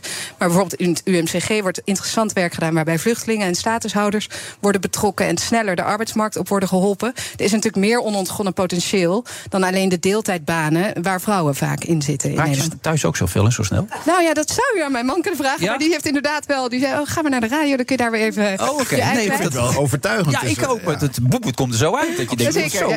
Kun je me wel voor wakker maken. Ja. Ja, maar eh, jouw mening daarover? Ja, nee, nou, het is, kijk, oké, het- even, een, even een, een, een, een, een, open deur intrappen. Als we zo doorgaan zoals we het nu doen, dan gaat het zeker niet goed komen. Nee, dat was een open deur dit jaar. Dat was de open Ja, deur. Dus we moeten dingen anders aanpakken. En dat betekent dus ook dat je, ja, je moet die taken, de, de, de, de, de werk, de, het- dingen die je op je werk doet en dingen die je thuis doet, moet je eigenlijk op één hoop gooien. En daar moet je met z'n tweeën een verdeling in maken. En dat kan alle kanten uit. En die vanzelfsprekendheid nu, dat de man dus wel fulltime zal werken. En misschien dat als dan de vrouw parttime werkt, dan past het ook allemaal net. Dat slaat natuurlijk nergens op. Ik las ook een heel leuke ingezonden brief in een van de kranten een tijdje geleden van Belinda van der Gagen. Die eh, reageerde op een man die had een grappig stukje geschreven over dat zijn vrouw een weekje weg was. En toen had hij zelf moest voor de kinderen zorgen. En dat was natuurlijk de hele week pizza eten, hahaha. En alle luiers verkeerd om aandoen. En toen schreef Belinda van der Gagen, nou weet je, eh, ik heb ook een hele drukke baan. En dan doe ik dit daar allemaal naast. Dus hoe bijzonder is dit nu eigenlijk eh, allemaal? Ik geloof dat we. Ik geloof wel dat we meer mensen aan het werk moeten krijgen. Maar dat moeten we dan ook doen met behoud van leven privébalans, werk-privébalans. En dat doen we nu gewoon verkeerd. Dat, Als we zo doorgaan, gaan mensen alleen maar minder werken, denk ik. En zeker niet meer werken. Ja, en dat is interessant wat je zegt. Hè? Want inderdaad, twintigers, daar stond onlangs ook een heel interessant artikel over in de Volkskrant. Dat, eh, nou, ik ben 35, maar de, de groep weer onder mij, die net de arbeidsmarkt opkomt, mannen en vrouwen, kiezen ervoor om parttime te beginnen. En je ziet ook één op de zes eh, mensen in de Nederlandse beroepsbevolking heeft burn-out klachten. Allerlei signalen die ook niet houdbaar zijn. En wat me ook zorgen baart nu aan dit signaal vanuit Den Haag is. En mensen voelen zich, denk ik, althans dat merk ik in mijn omgeving, niet zo aangesproken door dit eh, appel op vrouwen. Nee. En het tweede wat ik daar gevaarlijk aan vind, is dat het volgens mij de afstand tussen Den Haag en Nederland, waar jullie net ook al zo over spraken, vergroot. Weet je? Dit is weer zo'n idee uit die Haagse bubbel. En ik vind het zorgelijk hoe weinig vertrouwen mensen in de politiek hebben. Maar ook hoe conventioneel ze denken. Dus ik, hè, wat zou een oplossing zijn? Hè? Want we moeten in oplossingen denken, hebben we net gezegd. Nou, ik zou, heel veel mensen die, die eh, vinden het lastig om werk en privé te combineren. Want de kinderen moeten naar de kinderopvang, die moeten van school worden gehad. Er moet zoveel andere dingen. We werken in een fulltime dienstverband in Nederland het vaakste ongeveer vijf dagen, acht uur per dag. Of eh, wat is het, zeven en een half uur per dag. Waarom gaan we niet vier dagen, tien uur werken? Net zoveel uren, net zoveel inkomsten. Want het geld is natuurlijk toch ook wel heel erg belangrijk. Maar een volle extra vrije dag in de week. Hmm. Zowel voor de man als de vrouw. Als je het op die manier doet, heb je bijna geen kinderopvang meer nodig. Ook Ik begreep in. Engeland zelfs 12 uur gewerkt. In Engeland heb ik zelf ingevoerd op de intensive care toen we daar eh, als een experiment een driedaagse werkweek van 12,5 uur. Waarbij mensen dus een fulltime baan hadden, maar in drie dagen in de week. Zodat, eh, vier dagen vrij hebben. Mensen vonden het natuurlijk wel een lange dag, hè, 12,5 nee, uur. Niet iedereen wilde dat, maar de meesten die het hadden gedaan zeiden: ja. Ja. Ik heb niet het er dat wel er een verkeerd been werd afgezaagd door dat mensen iets minder geconcentreerd Je waren. moet ook pauzes en dat soort dingen Ja, moet je gewoon doen. Maar het is ook voor de werkgever heel nuttig, voor mij in dit geval. Want we misten een overdrachtsmoment. Want we hadden geen drie ploegendienst, we hadden plotseling een twee ploegendienst. En dat levert heel erg veel op. Dat soort ideeën. Ik denk dat dit heel belangrijke ideeën zijn en dat we inderdaad breder moeten kijken. En wat ik ook nog eh, wil toevoegen daaraan, wat we ook in beleidsmaatregelen breder moeten bekijken, is hoe we inderdaad het systeem inrichten. En daarom ben ik eh, met een hele groep mensen, Petitie, tegen een petitie gestart. Precies. De petitie, zo heet die. U kunt het googlen, even aan de luisteraar, een kleine oproep. De petitie 21ste eeuws verlof, die kun je tekenen. En dat is een oproep, nou weer niet aan de Nederlandse burger, maar aan dat Nederlandse kabinet. Om geheel gendergelijke, langere, betaalde verlofregelingen in te voeren. Eigenlijk geschoeid op Finse lees. Ja, Scandinavië. Scandinavisch model. Ja. Dus eh, beide ouders eh, krijgen 160 dagen betaald ouderschapsverlof. Op dit moment in Nederland is ook een heel groot gedeelte van het ouderschapsverlof of deels betaald of onbetaald. Wat het heel elitair maakt en voor veel portemonnees zeker nu niet toegankelijk. Nee. In Finland is dat gewoon of je nou in loondienst bent of ZZP'er of ondernemer met personeel of wellicht werkloos of student. Iedereen maakt er aanspraak op. Zo belangrijk vinden ze het daar gewoon. En 160 dagen de gelegenheid beide ouders om dat kind te leren kennen en daarna weer opgeladen de arbeidsmarkt op te stappen. Dus dat zijn echt wel ehm, vergezichten en wat langer termijn beleid dan wat ik nu in Den Haag eh, de kop op zie steken. Dus daar, breek, ja, daar pleiten wij voor. Oplossingen, hè? daar gaat het allemaal om in het leven. Helemaal. Heel Precies. goed, ja. En, en niet gelijk met gestrekte benen in en moeilijk tegen elkaar doen. Ik las trouwens dat er een rechtszaak was geweest. Was het in Spanje of in Italië? Dat een vrouw een rechtszaak had gewonnen. Dat 40 jaar voor de, of 30 jaar voor de kinderen zorgen. gewoon betaald hoort te worden. Dat werd vergoed. Ja, wat mooi, wat goed. Ja. En dat was echt een doorbraak. Als dat jurisprudentie wordt in Europa, dan krijg je nog een hele andere Dan situatie. krijg je toch? hele grappige gesprekken aan die keukentafels... waar de minister van Sociale dan moet het het van. Europa. Ja. Nou ja, dan Ja, je dat ook nog. ja. absoluut. Nee, En wat goed, ik het ook wordt, nog er, wordt er wel serieus doorgenomen. Zeker. En één nuance die ik ook wel vaak mis in dit debat... en ik ben wel benieuwd of daar misschien nog tijd voor is... maar naar jullie blik erop is... niet, elk, niet elke baan heeft maatschappelijke meerwaarde. Weet je? Ik denk dat ik beter de was kan doen... of een gezond maaltje kan koken... dan als eh, vertegenwoordiger van de sigarettenindustrie... proberen peuken te slijten aan een nieuwe Ja. Dan generatie. ga ik ook twijfelen aan mijn eigen baan hier. Nou ja, ik denk. Wilfred, dat jij heel nee. nobel werk doet. En ik Nou, hoop ook niet iemand eh, te ja. beledigen. Maar er zijn wel, we moeten niet gewoon werk als werk beschouwen. Je hebt verschillende, je kan eh, bij casino's de marketing aanzwaaien en proberen aanzwengelen en proberen om mensen die al verslaafd zijn aan gokken harder te laten gokken. Ja, dan kan je beter volgens mij achter het Het fornuis is wel staan. grappig, want heel veel mensen vragen zich af... Hè, met de huidige tekort aan arbeidskrachten... waar zijn ze gebleven Exact. allemaal? De En dan zeggen andere mensen weer... nou, we hebben gewoon veel te veel bullshitbanen... Ja. waarin mensen gewoon echt flauwekul aan het doen zijn... Ja. of elkaar aan het controleren zijn en helemaal niks bijdragen. Weer een oplossing. De bullshitbaan moet weg. Ja. Nou ja. nee, dat, komt, ja, dat gaat hard hier vanmiddag. Precies. We lossen gewoon alle problematiek in één middag Ja, op heel hier. mooi. Hoezo Ja. crisis? Ideaal. Waar gaat dit over? Oh, ik zie er zo'n minister zitten, nog een minister erbij ook. Twee ministers aan tafel, geweldig allemaal. Eline Leijten, bedankt. Veel dank. En eh, veel plezier ook met die kleine, want die heb je meegenomen. Dank je, zeker. Prachtig, ja. Hoi, hoi. Dankjewel. Toekomstbestendig beleggen? Investeer in een luxe vakantiewoning op eigen grond midden in de Brabantse natuur met een rendement van 5,5%. Vakantiepark Strabrechtse Venne opent komend voorjaar. Ontdek het op investereninbrabant.nl. Herbert Blankenstein. Ik wilde gaan vragen, fabriceren ze eigenlijk wel chips? Ben van der Burg. Dus we moeten het onderscheid maken tussen productiekostenvermindering en ervaring voor de kijker. Luister naar De Technoloog. Wekelijks in een lang gesprek met een leidende expert in zijn of haar vakgebied. Luister elke dinsdag naar De Technoloog. De Technoloog wordt mede mogelijk gemaakt door One Xilium. One Xilium. Building Delight. Friday Move wordt mede mogelijk gemaakt door TUI en Otto Workforce. Our people make the difference. Altijd en overal alle programma's live luisteren. Download de gratis BNR-app. BNR Nieuwsradio. The Friday. Toch nog onverwacht. De grand jury heeft nu gezegd, vervolgen die man. Well, first of all, thank you for having me. I'm extremely happy to be here. Was een goed gesprek. Ik denk dat we eruit kunnen komen. Soms is het beter, in een slecht huwelijk eh, ook, eh, dat je gewoon uit elkaar gaat. Wilfred Het Genee. is crisis in Den Haag. Gelukkig hebben wij Leendert Beekman. En natuurlijk onze eigen DJ Thomas Robson. En Marcel Levy. En Laurens Dassen. Nou, wat kan je nog meer hebben op een dag als deze? Dan moeten we er zeker uit kunnen komen om die crisis even op te lossen. Eh, even het allerlaatste nieuws. is Ze zijn er nog steeds niet Ze uit. zijn er nog Nee, steeds niet De uit. top van het kabinet is in overleg. Het idee was om een brief naar de Kamer te gaan sturen... over hoe gaan we de problemen in Nederland oplossen... hoe duiden we de verkiezingsuitslag... Eh, de pers zou erover geïnformeerd worden. Is weggestuurd bij Algemene Zaken. Zeer ongebruikelijk met de mededeling. eh, we bellen jullie zo meteen wel weer. Mochten ze eruit komen. Het streven is om eruit te komen met elkaar. Maar eh, wacht u maar op het belletje. Want eh, op dit moment komen ze er nog niet uit. Oké. Ik, ik neem aan dat we eerst een brief naar de Tweede Kamer krijgen. En dat dan eh, de pers ook even Nou, de vraag of die, of die brief vandaag naar de, eerste Kamer, of naar de Tweede Kamer gaat, eh, ja, dat is toch helemaal niet zeker. Nee, en dat is eigenlijk ook helemaal niet gek, eh, vind ik, dat dat niet gebeurt. Met. Laurens Dassen, voor de Laurens duidelijkheid. Dassen, Dat vol. mensen, die man? Maar- ja, nee, is goed. Wat is dat Ja, nou weer? ja, ja. Eh, nee, want kijk, er zijn hele grote problemen in Nederland. En die problemen zijn door dit kabinet elke keer vooruitgeschoven. Er zijn geen harde keuzes gemaakt. En nu moet er onder stoom en kokend water... moeten ze er in één keer met elkaar uit gaan komen. Ja, en dan is heel duidelijk dat het eigenlijk niet helder is... op welke waarden hebben ze nou dat coalitieakkoord geschreven... en waar staan ze nou achter. En dat je ziet dat partijbelangen weer in één keer een hele grote vlucht gaan nemen. Maar ik eh, heb ook het idee Is dit dat een beetje dachten- gewoon een normale, normale mensentaal wat hij nu doet of niet? Ik Nou, test kan het je. volgen, Ja, maar je, ik- ja. je zal weer te veel politiek jargon? Of? Nou ja, ja, dat sluipt er altijd wel weer een beetje in. Hè? Van, ehm, ja, eh, eh, eh, wat je gewoon wilt weten is... eh, wat is het probleem, wat is de oplossing? En ja, ik denk dat heel veel mensen zo denken. Oké. Maar, trouwens, het valt mee hoor. Ja. heb je wat met Volt eigenlijk? Of? Ja, ik heb, een- nou, ik, ik, heb een, ik heb een neefje. Ik heb een heleboel leuke neefjes. Maar ik heb één neefje is heel actief in Volt. Dus hij praat Oh. veel over politiek. Dus eh, misschien ken je wel, Diederik. Diederik Levy, ja, zeker. Ja. En, eh, Heeft hier eh, heel Amsterdam eh heeft hij mee helpen opbouwen. Ja, ja, ja, en dan kwam ik hem tegen op de Albert Kuip. En dan kwam ik daar om een haring te eten en hij om eh, te folderen. Dus het was eh, goed verdeeld. maar, Jij blijft gewoon met de PvdA, toch? Of, of gaat Ja. Nu ook meer jouw ja, kant? eh? nee, nee, nee. Ik blijf maar een Nee. beetje op Oké, jij wilde hem anticiperen dan, wat hij zei. Boom, hè?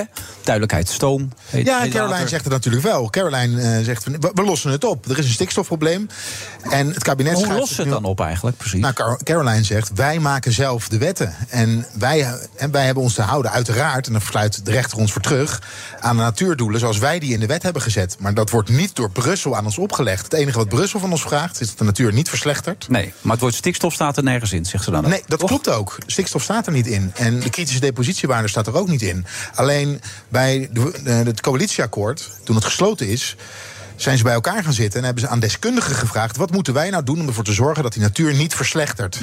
En gaat verbeteren. En toen is er gezegd, ja, dan moet je aan stikstof gaan werken. Dat is de grootste drukfactor op de verslechtering van de natuur. Ja. En dat moet sneller dan wat er nu in de wet staat. En daardoor is 2030 in het coalitieakkoord terechtgekomen. En ja, we hebben ons aan onze eigen wet te houden, want er is nog een stikstofwet. En dat is logisch. En Caroline zegt, ja, als wij wetten maken waarin de natuurdoelen te scherp gesteld staan, zijn, zoals Caroline het zegt, dan moeten we die wet aanpassen.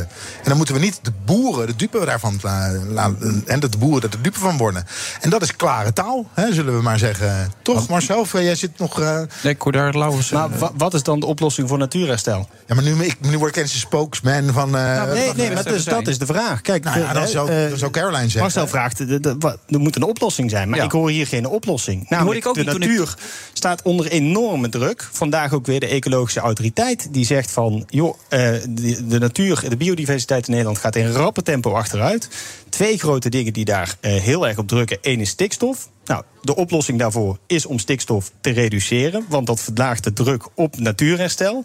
Ontzettend belangrijk. En het tweede is de waterkwaliteit verbeteren. En we weten ook dat slechts 1% van de Nederlandse waterkwaliteit voldoet aan de gestelde normen. Die we zelf ook afgesproken hebben in Brussel. En waarvan we nu alweer van zien dat de VVD zegt: ja, oké, maar die normen die gaan we niet halen. Dus laten we dan maar weer de doelen aanpassen. Nou, maar dat zorgt er uiteindelijk voor dat de natuur alleen maar verslechtert. Dus Maar deze discussie hebben we heel vaak al gevoerd hè, in Politiek Den Haag. Maar op het moment, en Cenk Willings heeft dat ooit gezegd... je moet het eerst eens worden over het probleem voordat je met een oplossing kan komen. En daar zit nu de crux. Het probleem daar is Politiek Den Haag het niet over eens. Want je zegt van ja, de natuur hè, staat er slecht voor. Nou, daar wordt bij BBB nog wel anders over gedacht. En ook bij een deel van de achterban van het CDA. En ook bij de VVD. Dat probleem is voor heel veel mensen niet zo groot. Zij zien dat probleem niet. Of ze zeggen dat probleem Ja, is er dat niet. maakt het zo ingewikkeld. Ik presenteer nog een programma op tv. En dan werk ik met een man die heet Johan Derksen. En die zegt die wetenschap, ach, hoe serieus moeten we die eigenlijk nemen? Want voor zoveel rapporten waarin het wordt bewezen... staan er ook zoveel rapporten... Nou, die staat- wetenschap moet je heel erg serieus nemen. En dat is nou juist het probleem bij klimaat. Daar nemen we de wetenschap de hele tijd niet serieus. Ehm, en dan, eh, of alleen maar de stukjes van de wetenschap die toevallig net in onze kraam te pas komen, die nemen we serieus. En de rest die negeren we, of die doen we wel niet. We hebben geven nu, ik weet niet hoeveel miljard hebben we in een klimaatfonds gedaan. Ja. Wij proberen 25 miljard. hemel Ja, en aarde 35, ja. te bewegen om een stukje kennis daarin te brengen. Een stukje ontwikkeling, wetenschap, om precies deze vraag te beantwoorden. En tot nu toe eh, nou, is er nog niet heel groot enthousiasme om dat te doen. Om die transities die nodig zijn, waar iedereen het de hele tijd over heeft. We moeten dingen anders gaan doen. Om die eh, op een wetenschappelijke manier te onderbouwen. En grappig genoeg, niet alleen de normen en de stikstofwaarden en de CO2-levels en al die dingen waar we het over hebben, maar ook het gedrag van mensen moet veranderen. Dus er een hele, zit ook een heel belangrijke gedragswetenschappelijke kant aan. Hoe krijg je mensen zo gek dat ze dat gaan doen? Daar wordt gewoon in Nederland supergoed onderzoek naar gedaan, maar daar heb je gewoon geld voor nodig om dat, om dat een zetje te geven. Ja. Door diezelfde overheid die nu eh, bovenin een beetje aan het rommelen is. Ja, maar wat er nou gebeurt, Marcel, met, eh, in de politiek... is dat er niet verteld wordt... waarom moeten we iets bij, aan het klimaat doen? Waarom moeten we iets bij de natuur doen? Maar er wordt gezegd, nee, we moeten het. Brussel legt het ons op. Ah, de rechter het legt wordt het ons wel op. uitgelegd, toch? We willen het toch ook. Het gaat om onze eigen gezonde leefomgeving. Mm, het, gaat om, onze de kinderen. lucht die wij inademen. Ik bedoel, er zijn heel veel kinderen met astma... juist omdat we de lucht vervuilen. Er gaan mensen jaarlijks, ik geloof... Ja, iets van 12.000 vervroegd dood vanwege de vervuilende eh, eh, omgeving die we hebben. Van, het wordt heel duidelijk uitgelegd waarom we dat willen. Het is goed voor onze economie, het is goed voor ons welzijn als we goed voor onze omgeving zorgen. Maar daar, Dus daar zijn we dat is toch heel. Dus logisch. dat is een mooi vertrek. Nou ja, maar dan kom ik wel bij punt. tafel Dan misschien. moet je de volgende stap die je dan neemt... is welke doelen wil je bereiken... en dan vervolgens met welk tempo wil je dat doen... en op welke manier. Maar omdat alles door elkaar heen loopt... lijkt het nu net alsof van partij A die wil gewoon iets tegen de boeren... en partij B is voor de boeren... En dat vertroebelt de hele discussie. En ik denk dat we eerst gewoon eens eh, een open rijtje moeten zetten wat we willen bereiken. Waarom is dit probleem in Nederland zoveel groter dan in andere landen? Dat we dat ook duidelijk maken aan mensen. Sommige dingen kan ik begrijpen, sommige dingen kan ik niet begrijpen. En pas dan zal je in een brede laag van de bevolking, denk ik, begrip ontmoeten. En uiteindelijk wil iedereen natuurlijk dat onze leefomgeving erop vooruit gaat. Ook Dat geloof je oprecht? Dat geloof je oprecht? Nou, als je met jonge staan? mensen spreekt, dan hoor je echt niks anders. En, ehm, en maar nogmaals, daar zit een enorme gedragscomponent aan. Want daar praten we dan over en dat vinden we dan. Maar vervolgens staan we met z'n honderdduizenden in de rij op Schiphol... om weer een of andere flutvakantie ergens eh, met een vliegtuig naartoe te gaan. Ja. Dus er moet ook nog heel wat in ons hoofd Maar, maar even concurrerend naar de situatie in Den Haag nu. Hoe ernstig kan dat zijn? Kan het een einde zijn vandaag? Ja, dat in? kan altijd. Eh, ik weet alleen niet of het vanavond gaat gebeuren. Maar er is wel, zoals ik al zei, echt iets aan de hand. Rutte woensdag, hè? dan kan je beter even wachten, toch? Ja, jullie, ja. en er moet nog een debat. Laurens moet nog een debat gaan voeren in de Tweede Kamer dinsdag.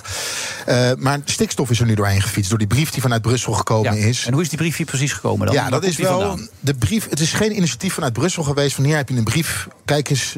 Dit leggen we jullie op en hier moet je je aan houden. Er is een brief van Van der Wal naar Brussel gegaan. Ve- 14 februari begreep ik toch? Ja, 14 jaar. er is, Ja. hè, we hebben een eh, stikstofwet en we hebben plannen gemaakt om boeren uit te kopen. En dit is een reactie op de brief van Van der Wal. Dus nou, goede plannen, Ja. ziet er goed uit.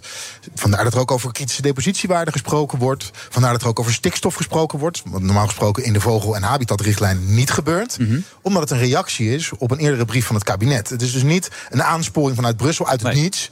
Maar zo wordt het natuurlijk nu wel verteld. Heel veel mensen... Ja, en- Nou, dat is nog een belangrijke toevoeging. Want eh, de reactietermijn vanuit Brussel is normaal zes weken. En dit is dus zes weken. Dus op zich is dat ook... Hmm. dat klopt ook nog. Dat, hij klopt nu op de mat valt is niet eh, een beetje Ja, de gestuurd. andere, als hij voor de verkiezingen was gekomen, had ook iedereen gezegd: van, eh, waarom ligt die brief er nu ineens? Ja. Dus het is zeer ongelukkig. Dus de brief klopt, zeg maar. Die is oké. Nou, het lijkt het wel op. Ja. Ja. En volgens mij is er, hè, het is een reactie op een eerdere brief van Van der Wal. Eh, en volgens mij is het ook heel duidelijk wat er vanuit Europa de hele tijd gezegd wordt: van Nederland, ga nou aan de slag. Mhm. En dus in, in dat opzicht lees ik ook daarin niks maar nieuws. ik vind jullie wel, ik vind jullie wel een beetje eh, vanuit de de, brief. boel simplificeren, heel eerlijk gezegd. Ik zit nu zelf ook een beetje in die ambtelijke kring. Als er een brief komt, dan hebben ambtenaren daar al ik weet niet hoe lang van tevoren over gepingpongd. En dit moet er zo in, en dat moet er zo in. En komt het jullie dan ook goed uit, et cetera. En dan komt die brief En een beetje intelligente Nederlandse ambtenaar had gezegd... prima dat jullie antwoord geven op onze brief... maar kan dat heel eventjes wachten? Want het is nu in Nederland wel een beetje Nou ja, dan- erg hot. Normaal gesproken blijft die brief gewoon even op het bureau liggen. en komt hij niet op de dag dat, er, eh, dat, er een, hè, dat het kabinet spreekt over de verkiezingsuitslag, komt zo'n brief naar Zo'n buiten. gekke Gerritje dus niet. daar, daar is natuurlijk iets gebeurd. Dat had nooit mogen gebeuren dat die brief gisteren ineens in het openbaar kwam. Nee, maar het wordt nu gesuggereerd duidelijk dat het de bedoeling was dat hij naar buiten kwam. Toch, eigenlijk? Om de zaak een beetje op scherp te zetten. Ja, kijk, eh, ik moet heel eerlijk zeggen, ik word een beetje simpel van deze discussie de hele tijd. Van, god, nu gaan we met z'n allen duiken we op die brief. En we zijn Ja. de hele week duiken we op het goed, kabinet. de vraag was... Nee, volgens mij is dit gewoon een reactie van... eh, en ik ga Brussel overigens niet verdedigen, hè, want eh, ik had misschien op een hele andere manier gekozen om dat aan te pakken. Maar ik vind wel, jongens, we, we maken echt van elk ding maken we een gigantisch probleem. Nou, maar niet- Het is een reactie op Van der Wal geweest. Ja, dus ik, ik, ik stel grote vraagtekens of we dit dan nu nog Ja, verder kern- moeten opblazen. maar en dan de reden- twijfel die daar weer bij wordt Ja, maar getrokken. de kern van die brief is toch wat de situatie op dit moment in Nederland is met het kabinet, wat steeds verder uit elkaar dreigt te vallen. Op dit punt. Dit is gewoon een heel belangrijk punt natuurlijk. Ja, dat is zeker een belangrijk Ja. punt. Maar dat is toch een, een, een, een, de puinzooi die het kabinet hier zelf van aan het Ja. maken is. Dan gaan we toch niet daarna de schuld eh, bij eh, eh, Brussel neerleggen. Terwijl, eh, ja, Maar in mijn ogen, waarom zitten is ze nu waar nog- niks nieuws in staat. Nee, maar als, je, als het al een beetje smult in het schuurtje... dan ga je daar niet toch eventjes met een jerrycan nog wat benzine overheen gooien. Dat, dan, dan- dan- wacht, doe je dat toch even niet? Ja, en wat er nu, ze hadden het idee, we gaan stikstof even parkeren. Dat ligt bij de provincies en dan gaan we het, het is ook heel vaak uitgesproken, we gaan het nu bij die niet over stikstof hebben. Door de brief gaat het nu wel over stikstof. En mijn, ja, ik, zie jou, eh, ik zie jou kijken, afkeurend kijken, maar het zal nu over stikstof gaan. Dat het nu ineens. Maar Rutte heeft toch gezegd, het gaat over de toeslagen, het gaat over Groningen en het gaat over stikstof. Ja, maar er gaat geen En beslissing dan gaan we nu in één keer zeggen, nu door de brief gaat het over stikstof. Kom op. Het had, jongens, het, het- het kabinet schuift al jarenlang hele grote keuzes voor zich uit. Continu op klimaat, op stikstof, op water, op eh, eh, vermogensgelijkheid. De BTW op groente en fruit, want we weten niet wat een appel is. En we gaan dan Die gaat haven- niet eens komen, heb ik nu gelezen. Dus, Dus dat ja. kan niet, maar havermelk dan eh 196% omhoog kan dan weer wel. Ja. Kom op, het kabinet moet hele duidelijke keuzes gaan maken. En als ze dat niet gaan doen... Maar dat kan dit kabinet waarschijnlijk niet Ja, meer. als ze dat niet gaan doen, dan hebben ze een veel groter probleem. Want dan kunnen we namelijk niet vooruit in Nederland. Nee, maar we hebben de minister-president die zelf zegt... ik kan dat nog steeds, ik ben er de juiste man voor, op de juiste plaats. Geloof je dat? Nou, als, wat ik net zeg, ik denk niet meer dat hij de juiste man op de juiste plek is... op het moment dat er nu niet hele duidelijke keuzes voor de toekomst gemaakt worden. Want dan zitten we over een paar maanden of een half jaar... zitten we weer precies met dezelfde discussie. Nederland staat op slot op dit moment. Hij heeft zelf een paar jaar geleden gezegd... dit is de grootste crisis uit mijn politieke carrière. Hij zit er nog steeds middenin. Belangrijke keuzes worden niet gemaakt. Als je die keuze niet durft te maken, dan ben je niet meer de juiste man op de juiste Hoe zouden jullie het aanpakken? Als je het zo maar voor het zeggen zou hebben. Stel, Laurens Das is onze minister-president. Hoe zou die het aanpakken? Nou, het landbouwakkoord had er al moeten liggen. Daar moeten dus de keuze voor een systeemtransitie gemaakt worden... waarin boeren worden geholpen richting natuur inclusieve landbouw. Dus dat betekent veel meer samen met de natuur. En daar is ook geld voldoende voor beschikbaar geef nu dat perspectief dus ook waar je dan naartoe gaat. Maak duidelijke ketenafspraken over de prijs, zodat je ook daar helderheid over hebt. Ja, en dan geef je heel duidelijk uh, aan de boer de keus: wil ik op deze manier gaan boeren, ja, ja. of nee? En dan kunnen ze aan de slag. En Dirk Boswijk, die helaas vertelde, zo'n 17.000 boeren zijn bereid om zich uit te laten kopen. Dan ook dat versnellen, dat proces? Ja, wat mij betreft wel. En volgens mij staat dat ook in de brief, uh, als ik het uh, goed herinner, is dat daar uh, ook nu in Brussel naar gekeken wordt hoe je dat dus kunt gaan regelen. Ja, dat gaat over staatssteun. En, en de, de, de seinen zouden op groen staan in, in Brussel om dus boeren uit te gaan kopen. In april moet dat komen. En er zijn ook boeren die zich willen uh, laten uitkopen. Ja, dus dat zijn help ze daar vertel, vertel ja, wat, wat Laurens nou net zegt, zo'n zo'n spoorboekje. Dan denk ik, ja, oké. Okay. Zo kunnen we het toch doen. Ja. En dan moeten we niet eindeloos gaan lopen zoekbad over 2030 of 2031 of 2035. Nee, we gaan het gewoon zo doen. Ja. En dan gaan we het gewoon Kijk, hoe snel en daarom is het ook zo belangrijk dat dat landbouwakkoord er zo snel mogelijk is. Daar zouden vragen over moeten gaan. En daar moeten die keuzes in gemaakt worden. Maar in plaats van dat we dus de hele tijd over het jaartal zitten, Precies. moet de minister achter zijn vodden aangezitten. Waar blijft dat landbouwakkoord? Waar blijven de keuzes nou, die daarin kan je gemaakt het wel worden? vertellen. Het landbouwakkoord gaat niet in april komen. Nee. Dat, wordt, dat wordt pas mee. En op, op dit moment gaat het allemaal over grond. Want wat ga je doen met grond? Ga je dat afwaarderen? Het is allemaal een technisch verhaal. Maar ze zitten echt vast bij het landbouwakkoord. Dus je kan wel willen dat dat zo snel mogelijk op tafel ligt. Maar als het niet lukt... Maar is Maar dat niet is, regeren? weg, jongens. Kom op, mensen. Is dat niet regeren? Ja. Dat je gewoon zegt, dit gaan Dat we zijn de doen. En dan keuzes gaan die we al die dingen. Met het. Want landbouwakkoord- ik word, ik- toen, toen het woord staatssteun viel, toen gingen bij mij de luiken ook alweer half dicht. Want het is ook zo'n dooddoener waardoor je gewoon helemaal niets meer kunt doen plotseling. En als je er dan in verdiept, dan blijkt het plotseling allemaal heel erg mee te vallen. Dus Maar, we, maar met het landbouwakkoord, het was juist het idee om met mensen te gaan praten en ze niet meer te vertellen: dit moet. Dat was het idee bij het landbouwakkoord. Dus als je nu toch weer de moedkant op gaat, ja, dan blaas je het landbouwakkoord je op. hoort niet moet. Je geeft mensen een keuze. Je kan zeggen, je kunt je bedrijf voortzetten op een andere manier. En dan gaan we je bij helpen, financieel en anderszins. Heb je daar echt geen zin in, even goede vrienden... maar dan is het op termijn een keertje afgelopen. Dat vind ik nog wel iets, eh, iets wat je mensen kunt, kunt voorstellen. Ja? Laurens, daar kun je Nou, mee zeker. Ja? Dan, en, en dan is Maar er ik- ook helderheid waar zo ontzettend hard naar gesnakt wordt. Maar even het totaalplaatje. Toeslagenaffaire, voordat die opgelost is, 2030. Gaat ook al nergens over. Natuurlijk. Groningen zitten we ook al jaren mee. Hoe zou je dat snel kunnen oplossen met die Groningers? Wat zou je kunnen doen dan? Ja, goed. En daar Nee, heb we ik gaan nu... even doorpakken nu. We zijn nu allerlei oplossingen. aan het- We hebben net een paar ministers aangesteld aan deze tafel. Nou, volgens mij zijn er, gevonden eh, voor het, vanuit eh, de parlementaire enquête zijn eh, heel veel voorstellen gedaan. Vanuit Groningen worden nu voorstellen gedaan. Daar wordt een debat over gevoerd. Daarin moeten keuzes naar voren komen om dus die eh, operatie te versnellen. Maar nu ben je politicus. Nee, klopt. Nee, maar nu een politicus. eh, Daar, daar denk ik ook dat ik niet een voorschot wil nemen op die juiste behandeling. Want dan doe ik ook geen recht aan de parlementaire enquête die gedaan is. Nou, in Groningen vragen ze nu gewoon om geld, 30 Ja. miljard. Heel simpel. Ja. Ja. Nou, waarom zouden we dat niet doen dan? Nou ja, dat is keuze voor uh, Laurens Dassen van Volt. Ja, maar ja, doen. weet je, dan, eh, je, je moet nooit half sorry zeggen. Dus volgens mij hebben we allemaal door dat dit niet kosher is geweest. Nee. En dan moet je het oplossen. En dan kun je het maar beter in één keer goed doen. Zeker. En dan, en dan kunnen we weer vooruit. Maar nu, als we blijven sleuren, nee, het wordt 29 miljard, nee, het wordt 10 miljard, nee, het wordt 15 miljard, dan ettert dit nog jaren door. Maar Laurens, wat ga je dan dinsdag in debat zeggen? Ga je dan zeggen, jongens, stop er alsjeblieft mee? Want het, eh, er komen geen oplossingen. Als er geen oplossingen komen, dan is het inderdaad beter dat ze moeten stoppen. Alleen geloof ik op dit moment dat het belangrijker is dat ze die oplossingen en die keuzes wel maken. Want we hebben er ook als Nederland op dit moment geen baat bij als alles weer anderhalf jaar naar achter wordt Dus als het kabinet nu zou vallen, zou het alleen maar slechter uitpakken, zeg jij. Ja, Als ze maar met goede oplossingen als ze nu maar die keuzes durven te maken. En dan zou je er ook in mee willen steunen. En dat, dat ga je dan... Hebben wij continu gezegd dat op het moment dat er durf is, dat er lef is, eh, dan gaan wij dat steunen. En wij zullen ook zorgen dat we wetgeving alleen maar zullen verbeteren. We zijn heel hard nu ook die spreidingswet ingegaan. Daar worden namelijk ook halve maatregelen genomen. Wij zeggen, zorg dat je dat goed oplost. Dan ben je namelijk bezig met structurele oplossingen voor de lange termijn. En die zullen wij altijd steunen. Dat klinkt allemaal zo simpel als we zo'n tafel zitten. Hoe kan het nou het, dat is, het het, is, het is niet altijd even makkelijk. Vrijdagmiddag kan je alles oplossen, kennelijk. Ja, daar lijkt het dan wel op. Misschien moeten ze hier een keer komen zitten. Maar het, het klinkt zo simpel. Waarom is het altijd zo moeilijk dan? Het is zo raar eigenlijk. Nou ja, dat zei ik net al. Want bijvoorbeeld als je het over de afhandeling van de toeslagenaffaire hebt... dan zeggen ze, ja, het werkt bij de Belastingdienst. We krijgen het niet voor elkaar. De computers doen niet mee. Eh, als je het over de spreidingswet hebt... dan eh, moet het uitgevoerd eh, gaan worden. Ja, uitvoeringsinstanties, eh, het lukt niet. COA zit, zit, zit vol, die hebben het te druk. Elke keer lopen ze tegen een barrière aan. En dat heeft ook met beleid te maken van de afgelopen Ja, jaar. ik wil het niet simplificeren, maar ik ben een simpele dokter. Hè. Als er bij mij iemand op de spoedeisende hulp komt en die is stikkend benauwd, dan gaan we die gewoon eh, eh, beter maken. En dan gaan we niet zeggen: het lukt niet, de computer werkt tegen. We gaan het allemaal. Maar net het voorbeeld over de BTW op groente en fruit. Ik denk dat dat heel tekenend is. En dat veel mensen dat ook zo voelen. Ja, als we niet eens de BTW op groente en fruit in dit land kunnen verlagen. Hè, omdat onder andere de Belastingdienst dat niet aan kan. Ja, dan is er structureel iets mis. Dan kan je ook mensen uit de toeslagenaffaire niet gaan, eh, gaan, eh, gaan helpen. Ja, goed. Nou, we gaan er niet heel erg positief uit op deze manier, Laurens. Ik heb het Bank van Haaien las ik ook, hè? Ja, ik heb het ook. Ik las een interview met hem. ja, ja. Als ik in een zwembad lig, denk ik altijd dat er een haai in zit. Dus, maar dat heb jij Ik ook heb dus. precies hetzelfde. Ja, het is echt verschrikkelijk. Dat is heb echt jij heel bizar. Of niet? Nee, ik heb, maar ik heb ook wel angsten, maar daar zitten haaien niet bij. Haaien eh, in een zwembad. Kijk ik steeds om me heen zo. Zit er een haai in. Maar goed, bedankt. Het goed dat je er was, Laurens. Eh, jij natuurlijk ook, Leendert. Hè? Breaking news. Ja, leuk En nog het. steeds niet, hè? Zijn ze er? Nee, ze zijn er nog steeds niet. Nee, nee, nee, We vallen nee. gewoon vanavond, joh. Als ze het nou vlak voor half tien doen, zou ik fijn vinden.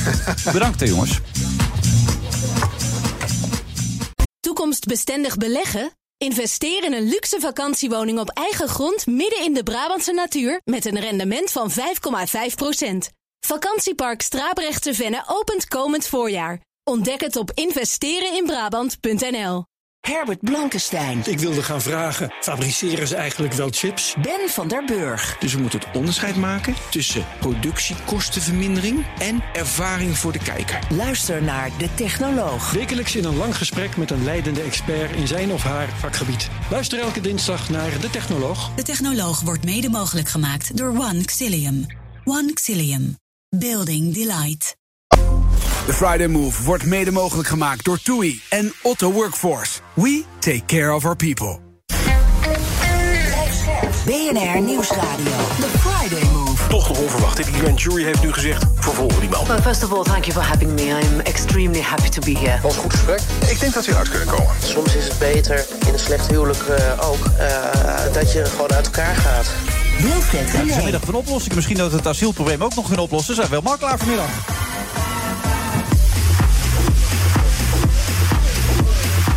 Vrijdag 31 maart. We zitten vandaag in het eh Mercure Amsterdam City Hotel. En één keer goed.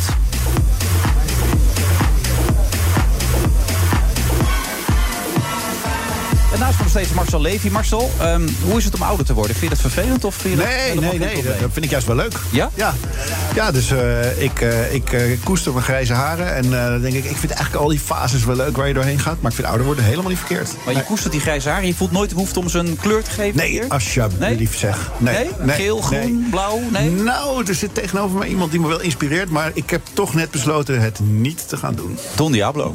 Het zou wel goed staan. Zou wel goed staan. Ja, zou die het kunnen hebben, denk je? Ja, ja absoluut. Ja, want wij, wij kwamen elkaar een paar jaar tegen bij, bij Brandon Hart. Die, die lanceerde toen een boek. En uh, dus spraken elkaar een tijd. Maar toen kwam je net binnen. Ik denk, is het er nou echt of niet? Want, want dat groene haar, dat hoort bij de act nu, zeg maar. Oh nee, nee dat, eh, ik doe eigenlijk gewoon waar ik zin in heb. En dit, nu was het groen. Vorige keer was het wit. Uh, ja, het kan ook weer. Ik, ik, volgens mij toen ik twintig was, heb ik een keer grijs geverfd. Oké. Kijk hoe dat zou zijn als het Maar zou zijn. je moet even voor, voor de luisteraars vertellen. Het haar is felgroen. Mhm. Zwarte baard. Maar waar ik echt helemaal flabbergasted van ben, is het jack. Want Ja? dat is groen, zwart en wit. Dus over nagedacht bedoel je? Ongelooflijk Ja. over nagedacht. Alles wordt bedacht. Color blocking. Ja? is dat. Maar dat, doe je zelf? Of heb je er iemand voor? Want er lopen allemaal mensen om je heen. Hè? Managers, eh, personal eh, assistants, neem ik aan. Ja, Want nee. je bent een eh, grote ster, hè? dat moeten we er wel bij zeggen natuurlijk, toch? eh, dat mag je bijna niet zeggen in Nederland. Nee? Toch? Maar, is dat verboden, ja?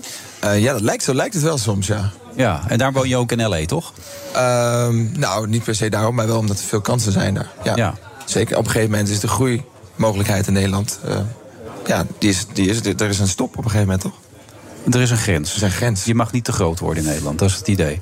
Nou, je mag het wel, maar dan, ja, dan liever niet. Toch gaat je kop eraf. Die kop, die kop die moet rollen. Ja. Ja, Zo heb je het ook altijd ervaren in dit land. Eh, nou, niet altijd. Er zijn, er zijn een heleboel positieve mooie dingen. Maar ehm, er zijn eerst gewoon een grens. Dus ik denk ook ehm, veel pers vooral meer geïnteresseerd is in je privéleven. En, of bepaalde mensen die dingen doen in hun privéleven, maar niet per se in, in je werk, zeg maar. Of wat je echt doet. Dus Ja, dat is toch vaak inherent een beetje aan elkaar. Dat als er hele grote sterren worden, dan worden mensen toch heel geïnteresseerd in alles wat erbij komt kijken. Of werkt dat niet zo? Nee, ik denk juist dat je niet echt een hele grote ster wordt als je niks loslaat over je privéleven. Dus ik zie mensen die zijn hele grote ster. En dan denk ik, jullie zijn eigenlijk al drie jaar lang al non-stop in de media, maar ik weet eigenlijk helemaal niet wat je doet. Oh ja, zo kun je het ook Maar, bekijken. maar ik weet wel alles over je liefdesleven. Dus dat is dat. Dus die dat gebruiken dat, dat privéleven dus om, om hun sterrenstatus in stand te houden. Dat is wat je zegt eigenlijk. Of om een sterrenstatus te creëren. Dus in die zin ben ik geen ster. Dus ik ben gewoon maar een gast die gewoon dingen doet. Ja. En toevallig eh, op wereldniveau. Maar ja. Nou ja, noem het maar niks. Je doet het te voorkomen alsof het niks voorstelt, toch? Nou ja, zo- dat is een Nederlandse instelling. En daarom ben ik naar Los Angeles verhuisd. Omdat ik mezelf ook. Ik, het werd op een gegeven moment zo donker in mijn hoofd. Dat ik dacht van, is het nou ook echt niks? En het is wel fijn. Het fijne van Amerika is wel dat het, de, de vibe is heel positief. En ehm, mensen denken in kansen. Mensen willen je helpen. En ja, het voelt wat, er het voelt wat zonniger, zeg maar. Herken je dit, wat hij nu vertelt, Marcel? Nou ja, Nederland is natuurlijk een samenleving, ik herken het. En grappig, Nederland is een samenleving waarin we gelijkheid heel belangrijk vinden. hè. Maar dat willen we eigenlijk omdat we niet willen dat mensen aan de onderkant een beetje komen te bungelen. Dus we willen dat er iedereen, hè, ook aan de onderkant, toch eh, naar het midden gaat. Maar dat leidt ertoe. Dat is wel interessant. Dat mensen die er bovenuit schieten, die eh, boven het maaiveld uitsteken, dat we die ook een beetje naar dat midden proberen te trekken. En dat, eerste vind ik goed. Ik vind het prima dat we mensen die aan de onderkant bungelen, dat we die proberen op te stuwen. Maar dat mensen die zoveel ambitie hebben of zoveel talent hebben, dat ze ja, er een beetje bovenuit steken. Dat we die een beetje, ja, dat we dat eigenlijk niet zo fijn vinden en een beetje proberen terug te drukken. Dat, dat vind ik ook niet zo altijd even leuk. Zo is het een beetje, wat, wat Marcel nu zegt. Dat gevoel. Oh, ehm, nou, ik, ja, ik, vind het wel dat, wij, dat die cultuur zeker leeft in Nederland. Absoluut. En, en ik vind ook absoluut zo dat mensen de, eh, aan de onderkant. eh, er moet geen onderkant zijn. In die zin moet iedereen vrij zijn om te creëren binnen zijn eigen wereld. En iedereen moet genoeg zelfvertrouwen hebben om creatief te kunnen zijn en om te kunnen bloeien. Ehm, maar het gaat twee kanten op. Zo- Zowel van bovenaf als van onderaf eigenlijk, denk ik. Dus Maar is het dan nog leuk om in Nederland iets te lanceren? Je hebt nu een nieuwe show, hè, Forever Young. Show, muziek, dans, alles ja. bij elkaar. Timor Stefans is er ook bij betrokken. Ehm, dan sta je gisteren in Escape en dan komt er vandaag een parool-recensie... en die is niet echt positief. Nee. Hoe, hoe ga je daar dan mee om? Oh nee, ja, ik, ik krijg al jaren zoveel kritiek. Dat voor mij, mij doet dat persoonlijk niet zo heel veel. Ehm, kijk, het gaat natuurlijk ook om voor wie, wie is de doelgroep. Ja. Het is ook niet per se bedoeld voor eh parool theaterpubliek. En een aantal punten. Ik heb het artikel even snel gelezen net. Als Forever Young de toekomst is, belooft hij heel weinig goeds. Is de kop. Nou, dat lijkt wel een politieke partij. Ja. Nee, maar ik kan me voorstellen, je werkt met hart en ziel en niets. Ja. En dan kan één iemand gewoon zo'n stukje schrijven. Hoe ervaar je dat dan? Nou ja, ik vind het eigenlijk. Ik vind het sowieso een eer dat we worden beschreven in het parool. Tot om te beginnen, gratis reclame is altijd goed. Ja. En, ehm, dat, dat er iets anders staat, toch? Dat ze zeggen een wereldshow, alles erop en eraan. Oh, Dans nee, maar- wordt wel geproduceerd op een... Nee, maar kijk, ik heb een onderdeel wat ik doe en daar ben ik heel trots op. En ik denk dat iedereen eh, heel hard heeft gewerkt. Eh, maar het is natuurlijk voor een bepaalde doelgroep. Het is niet voor standaard eh, theaterpubliek. Het is geen theatershow op de traditionele manier. Als je op die manier erin gaat, dan word je dus waarschijnlijk teleurgesteld. Het is geen, het is geen Shakespeare. Er zitten geen dialogen in op dat niveau. Ehm, dus dat, Maar geen herkenbare refrein, werd er op een gegeven moment ook geschreven. Maar toch raar want, want in principe, er staan... ehm, en dat is misschien toch het maaiveld. Ik bedoel, mijn vorige album heb ik nu eh, iets meer dan 1 miljard streams op. Ehm, maar ik heb nog nooit een prijs gewonnen in Nederland. Ik heb nog Nee. nooit... Een, maar dat is eh, toch gek als je wel een, wereldster bent? Dat is toch best wel apart? Ik bedoel, we hebben al eens eerder dit gesprek hierover gehad... hoe deze wereld in elkaar zit, zeker in Nederland. Maar het is toch gek als je wereldwijd gewoon all over the world... eh, grote optredens hebt... en dat het in Nederland niet op waarde wordt geschat dan? Dat is toch gek? Nou ja, maar ja, het houdt je ook een beetje grounded Nou, maar het misschien. wordt in Nederland toch wel op waarde geschat. Want er zijn genoeg mensen die, die muziek luisteren en die, er, en die er wel naartoe gaan. Alleen één recensent vindt het niet zo. Ik vind het hele idee van recensenten zo ouderwets. Ja. Zo ging het, het is natuurlijk ook een beetje raar dat in, inderdaad een mening van een persoon. Maar, maar ik, nee, nogmaals, kijk, ehm, dit is voor een andere doelgroep. Het is niet per se voor een parooldoelgroep. Het is een, juist het idee om iets nieuws te creëren wat er nog niet is. Wat een beetje een mix is tussen ehm, uitgaan, naar het theater gaan en naar een film gaan. Maar, maar weet je, vroeger toen, dan, dan, hè, dan hadden we geen sociale media. We hadden veel minder manieren om met elkaar te communiceren. En dan ging er iemand met wat verstand van muziek of Juist. toneel of wat dan ook... ging naar een voorstelling, schreef daar een verslag van... en dan wist ik, want hoe had ik het anders kunnen weten... dat dat misschien wel leuk of misschien wel niet leuk was. We leven nu in een wereld met, ik weet niet hoeveel sociale media... Je kan alles, Dus iedereen kan zijn eigen recensie gewoon ja, geven. Dit hele idee, genoeg waarom houden we niet op met die malle recensies? nee, dat vind ik ook wel. Maar kijk, het is ook. ehm, het is maar net vanuit, welk, vanuit welke hoek je het bekijkt. Ik weet inderdaad, ik zag inderdaad een keer een recensie van een album van Armin van Buren eh, in de oor. En die werd helemaal eh, de grond ingetrapt. Maar dan dacht ik, maar ja, dat is logisch. Kijk, want Armin van Buren maakt trendsmuziek. Jij bent geen transliefhebber. Dus is het voor jou niet het album waar jij op zit te wachten. En dat is een beetje hoe de wereld in elkaar zit. En Maar ik denk, het is wel wat Marcel zegt. De wereld is nu. De wereld is plat eigenlijk. Iedereen kan mee bepa- bepalen nu wat iets goeds vindt. En ik bedoel, ik neem aan dat je heel veel leuke reacties hebt gehad. toch? Ja, ja, nee, alleen maar leuke reacties, absoluut. En, Ja. daar, en daar probeer je ook naar te luisteren. En is dan te op de graadmeter voor Nee, maar er zit, het is eigenlijk wel bizar. Want er zit, zo, er zit drie jaar zoveel hard werken. En als je gaat kijken naar... Ik zat weer helemaal achter elkaar te kijken naar de hele show. Ehm, het is echt een, echt, een, echt een trip waar je in gaat. En het is... Ik zou zeggen, ga het zelf bekijken. Want Ja. het, is iets, het, is, het speelt niet lang, het is er een paar weken. Ja. Ehm, en iedereen heeft op zijn vakgebied er heel hard aan gewerkt. Ehm, het, is, een- het, is een, het, is een, het is iets nieuws. Dus ja, ik weet ook niet hoe je dat moet wat meten. hoe wil je je dat de mensen weggaan dan? Wat was jouw doel ermee? Wat wil je dat de mensen voelen als ze de zaal uitgaan dan? Als de escape uitgaan? Ehm, dat die iets nieuws hebben. het feit dat het redelijk hard was, begreep ik van de mensen die er waren. Maar dat... Oh, dat was goed. Ik vond het juist te zacht, dus dat is mooi. Wat Mireille was, die zei tegen mij: Het was vrij hard, zei ze. Dat is mooi, maar het volume moest omhoog van mij. Dus dat is, misschien ben ik dan doof. Dus eh, ik wil gewoon dat het binnenkomt. Nee, ik wil gewoon dat, kijk, ik wil nieuwe mensen, nieuwe publieken door elkaar, heen, door elkaar heen mixen. Ik vind het juist fijn dat iemand van het parool er is en die, die dan een keertje mijn muziek ook hoort. Ehm, en ik wil ook juist dat mensen die, die misschien alleen maar uitgaan, ook een keertje een stukje theater zien. Eh Daan Schuurman speelt erin. Misschien gaat, weet je, misschien, het is een combinatie van film, muziek, theater, dans, dwars door elkaar. Ehm, en ik denk, eh, er zit een verhaal in wat heel erg gaat over de druk van de muziekindustrie. En dat, dit bewijst het eigenlijk maar weer. Dat zo'n vernietigende recensie meteen het harde werk van, eh, van iemand. Nee, juist ja, niet. moet- het is precies wat Marcel zegt. Hoe serieus moeten we dat nog nemen? Dat één mening. Nee, joh, niet. Maar, dat, maar ik denk dat de recensent zich dat zelf ook niet voelt. Ik bedoel, die schrijft gewoon een stukje, dat is zijn werk. En dat is ook prima. En eh, ik kan hem niet kwalijk nemen. Hij moet elke week iets inleveren. En het leukste is natuurlijk, kijk, als iets negatief is... dan verkoopt het sowieso altijd meer. Het geldt ook over nieuws, over BN'ers, iets dergelijks. Eh, iets wat negatief is, reist niemand gaat zeggen... nou, eh, X, Y, Z heeft net een nieuwe auto gekocht. Gefeliciteerd. Je wil... Het Maar dat liefst is in Amerika juist wel zo. Good for you als je een mooie auto rijdt. Ja, ja, als je succes precies. hebt, als je ergens ja. in, in bent. Ja. En dat bevalt jouw klap lijkt, ook, lijkt me ook veel beter, toch? Om daar te wonen dan. Nou ja, kijk. Maar ga je dit nu ook groter maken dan? Dan, dan Nederland? Wat, wat, wat is je doel? Ehm, dat is niet aan mij, maar het is, het is een Amerikaanse productie. Er zit een, eh, een eh, internationale ambitie achter. En Nederland is een soort van springplank. Ja. Want we willen het natuurlijk eerst in Nederland uitproberen. We hebben hier kritisch publiek en dat is ook alleen maar goed. En daardoor word je ook scherp. We hebben eerst workshops gedaan, toen hebben we het al weer, weer verbeterd. En ik denk dat het sowieso zoiets is, een proces wat altijd blijft verbeteren. En dat, je moet ook gewoon kritiek op die manier zien. Zoals ik het zelf ook. Als iemand kritiek heeft op mij, dan... Vroeger werd ik heel boos en nu denk ik... Oké, wat is hiervan waar? Kan ik hier iets mee? En dan later word ik pas misschien boos op mezelf. Ehm, maar ik, ja, ik vind dat eigenlijk niet iets kwalijks. En ik denk, ehm, hebben mensen een leuke avond gehad? 99% van de mensen hebben een leuke avond gehad. Dan is mijn doel geslaagd. En die weten ook waarvoor ze komen, neem ik aan, toch? Die kennen jouw muziek, die kennen jouw stijl, die weten wat ze ongeveer kunnen Ik denk verwachten. juist ehm, dat de muziek juist heel anders is. Want er zitten stukken in die juist heel erg iets zijn wat je niet van mij verwacht, bijvoorbeeld. Ik schrijf ook orchestrale stukken. Ik heb, eh, vorig jaar heb ik de Biennale in eh, Venetië bijvoorbeeld geopend. Oké. Maar ik heb ook eh, werk verkocht dat hing tussen een Picasso en een Terrell op eh, Art Basel in Miami. Eh, mijn, werken worden, mijn kunstwerken worden geveld bij Sotheby's. Ehm, ik heb heel veel dingen gedaan, denk ik, waar de Nederlandse pers eigenlijk niet vanaf weet. Omdat ik, ik, Ik zit ook met verbazing te Ik ook. luisteren, heel Ik, eh, gezegd. word Dat, steeds eh, geïnteresseerder Ja, eigenlijk. dit zijn goede verhalen, dit. Ja, ja, nee. ik- eh, in theorie zijn volgens mij de enige. De, de, de, er zijn niet zo heel veel Nederlandse kunstenaars die worden geveild bij Sotheby's of bij, bij Christie's. Eh, alleen ik stuur er meestal geen persbericht over uit. Ik ga gewoon door. En meestal als er iets eh, te kraken is dan, is, dan springen mensen er bovenop. Maar ja, ik denk, als, ik, als we hier een uur zouden zitten en ik zou gaan vertellen over mijn reis van de afgelopen drie jaar binnen de kunstwereld, dan eh, ja.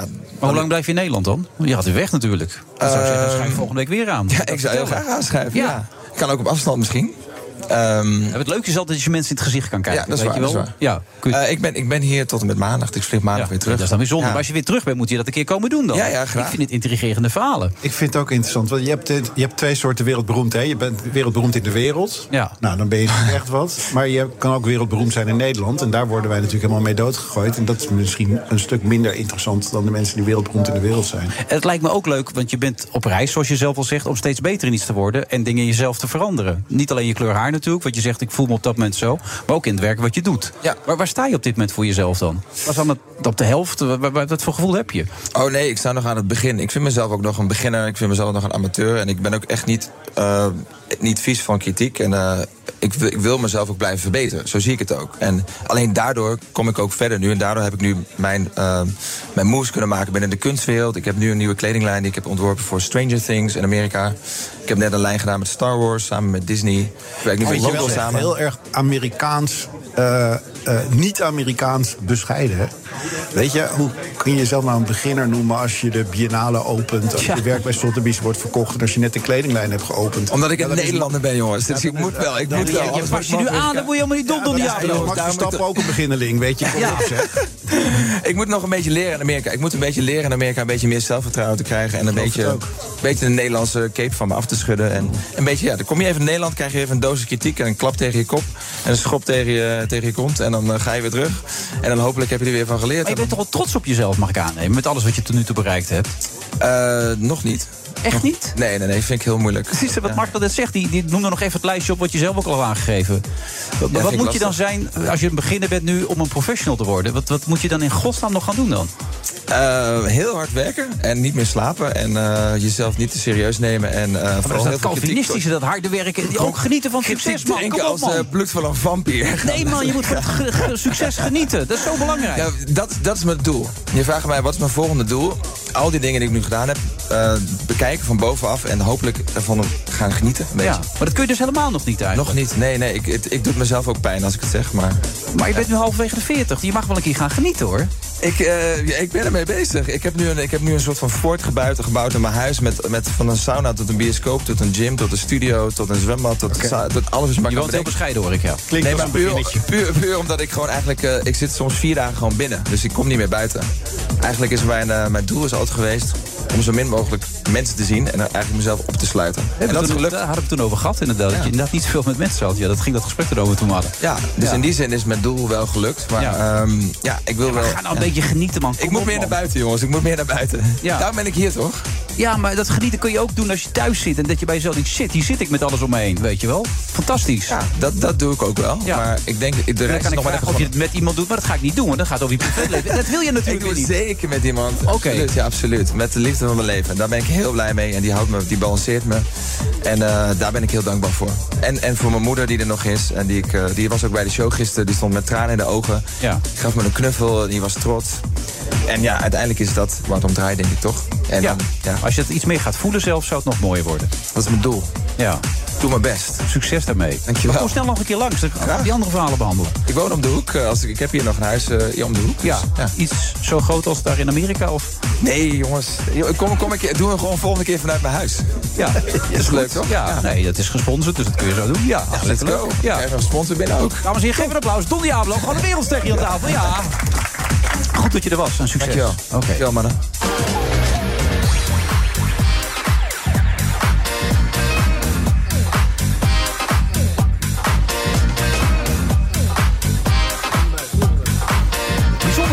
Marcel? Dus zo'n verhaal als dit. Ik bedoel, eh, ik ben hem een paar jaar geleden tegengekomen bij een boekpresentatie van een hele goede vriend van hem, Brandon Hart. En die is ook heel groot in de wereld. Maar je beseft niet wat die wereld inhoudt soms, hè? Maar ja, het is echt het is een indrukwekkend verhaal. Echt, absoluut. Ik ben, I'm impressed. Ja. Eh, maar dat is hij zelf nog helemaal niet. Merkwaardig, hè? Ja. Nou, hopelijk gaat het wel komen voor hem, ja. Ondertussen ook iemand aangeschoven die ook hele bijzondere dingen doet. Peter Nelens, hartelijk welkom. dank u wel. Je hebt een eh, fles wijn voor me meegebracht. Grenzeloos Verraad, een rosé. En dat heeft te maken met de film die je gemaakt heeft, hebt. Ja, we hebben eh, een fles, voor een fles rosé gekozen, hè, grenzeloos verraad. Omdat het is niet wit, het is niet rood, het is niet zwart, het is niet wit. Ja, het heeft te maken met de scheidslijn tussen goed en kwaad is erg dun.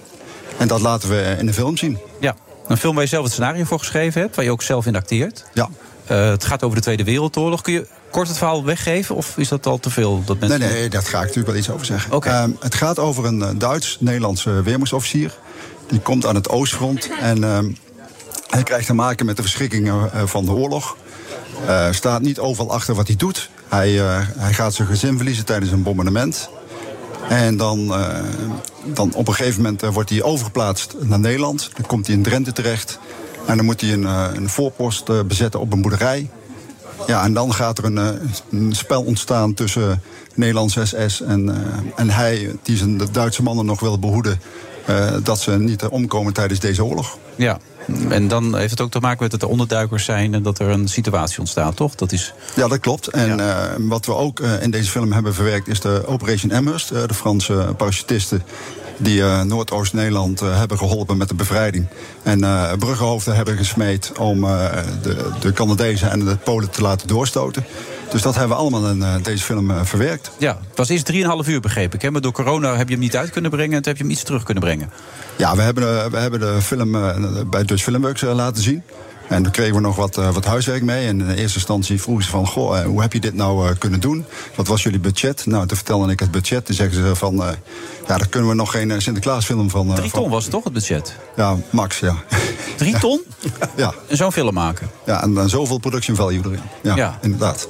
Maar toen zei Dutch Filmworks van... van ja, daar kun je nog geen Sinterklaasfilm van maken. Ik zeg, dat klopt.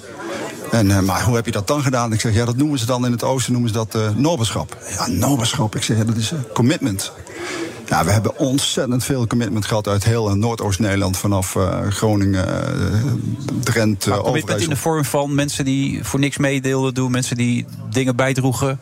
Ja, het, het heeft ook te maken met, natuurlijk ook met eh, musea's die, die ons te willen stonden. eh reenactment groepen, je kan het zo gek niet noemen. We hebben, in Duitsland hebben we heel veel commitment gekregen.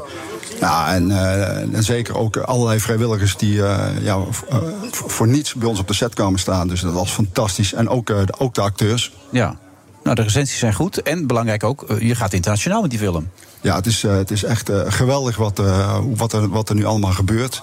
Eh, ik heb inmiddels al gehoord dat hij aan Amerika is verkocht, hij is in Polen verkocht, hij is in Duitsland verkocht. We hebben met sterren te maken hier aan deze tafel. En dat voor, voor Ja. drie ton, hè? Ja, ongelooflijk. ja, ik ben ook eh, enorm trots op de mensen die allemaal meegewerkt hebben. Ook op eh, onze acteurs en ook eh, nou ja, iedereen die zich eh, maar een warm hart heeft toe, eh, toegewijd aan deze film is eh, gewoon fantastisch. Ja. en de meeste mensen kennen Peter, Peter Nellissen natuurlijk niet. Maar vanaf nu wel, hè? Nu gaat het gebeuren. Hij gaat nu doorbreken. Nou, dat zal wel meevallen, denk ik hoor. Nou ja, met zo'n succes. Dat is toch bijzonder wat je doet? Nou ja, goed, het was een eh, enorme, eh, een enorme klus. Ik heb, eh, we hebben er vier jaar aan gewerkt. En eh, we hebben ook anderhalf jaar natuurlijk een beetje stilgelegen door corona. Maar dat gaf juist eigenlijk, en daar moet ik heel eerlijk aan zijn, ook weer kansen, zodat we bepaalde dingen toch hebben geoptimaliseerd. Hoe kwam je op het idee? Ja, het idee is eh, ontstaan. ehm, mijn oma was Duits en mijn opa was Nederlands. Ja, ja. En mijn oma had eh, twee broers die hebben gevochten voor de Duitsers. En die zijn eh, omgekomen aan het Oostfront. Ja.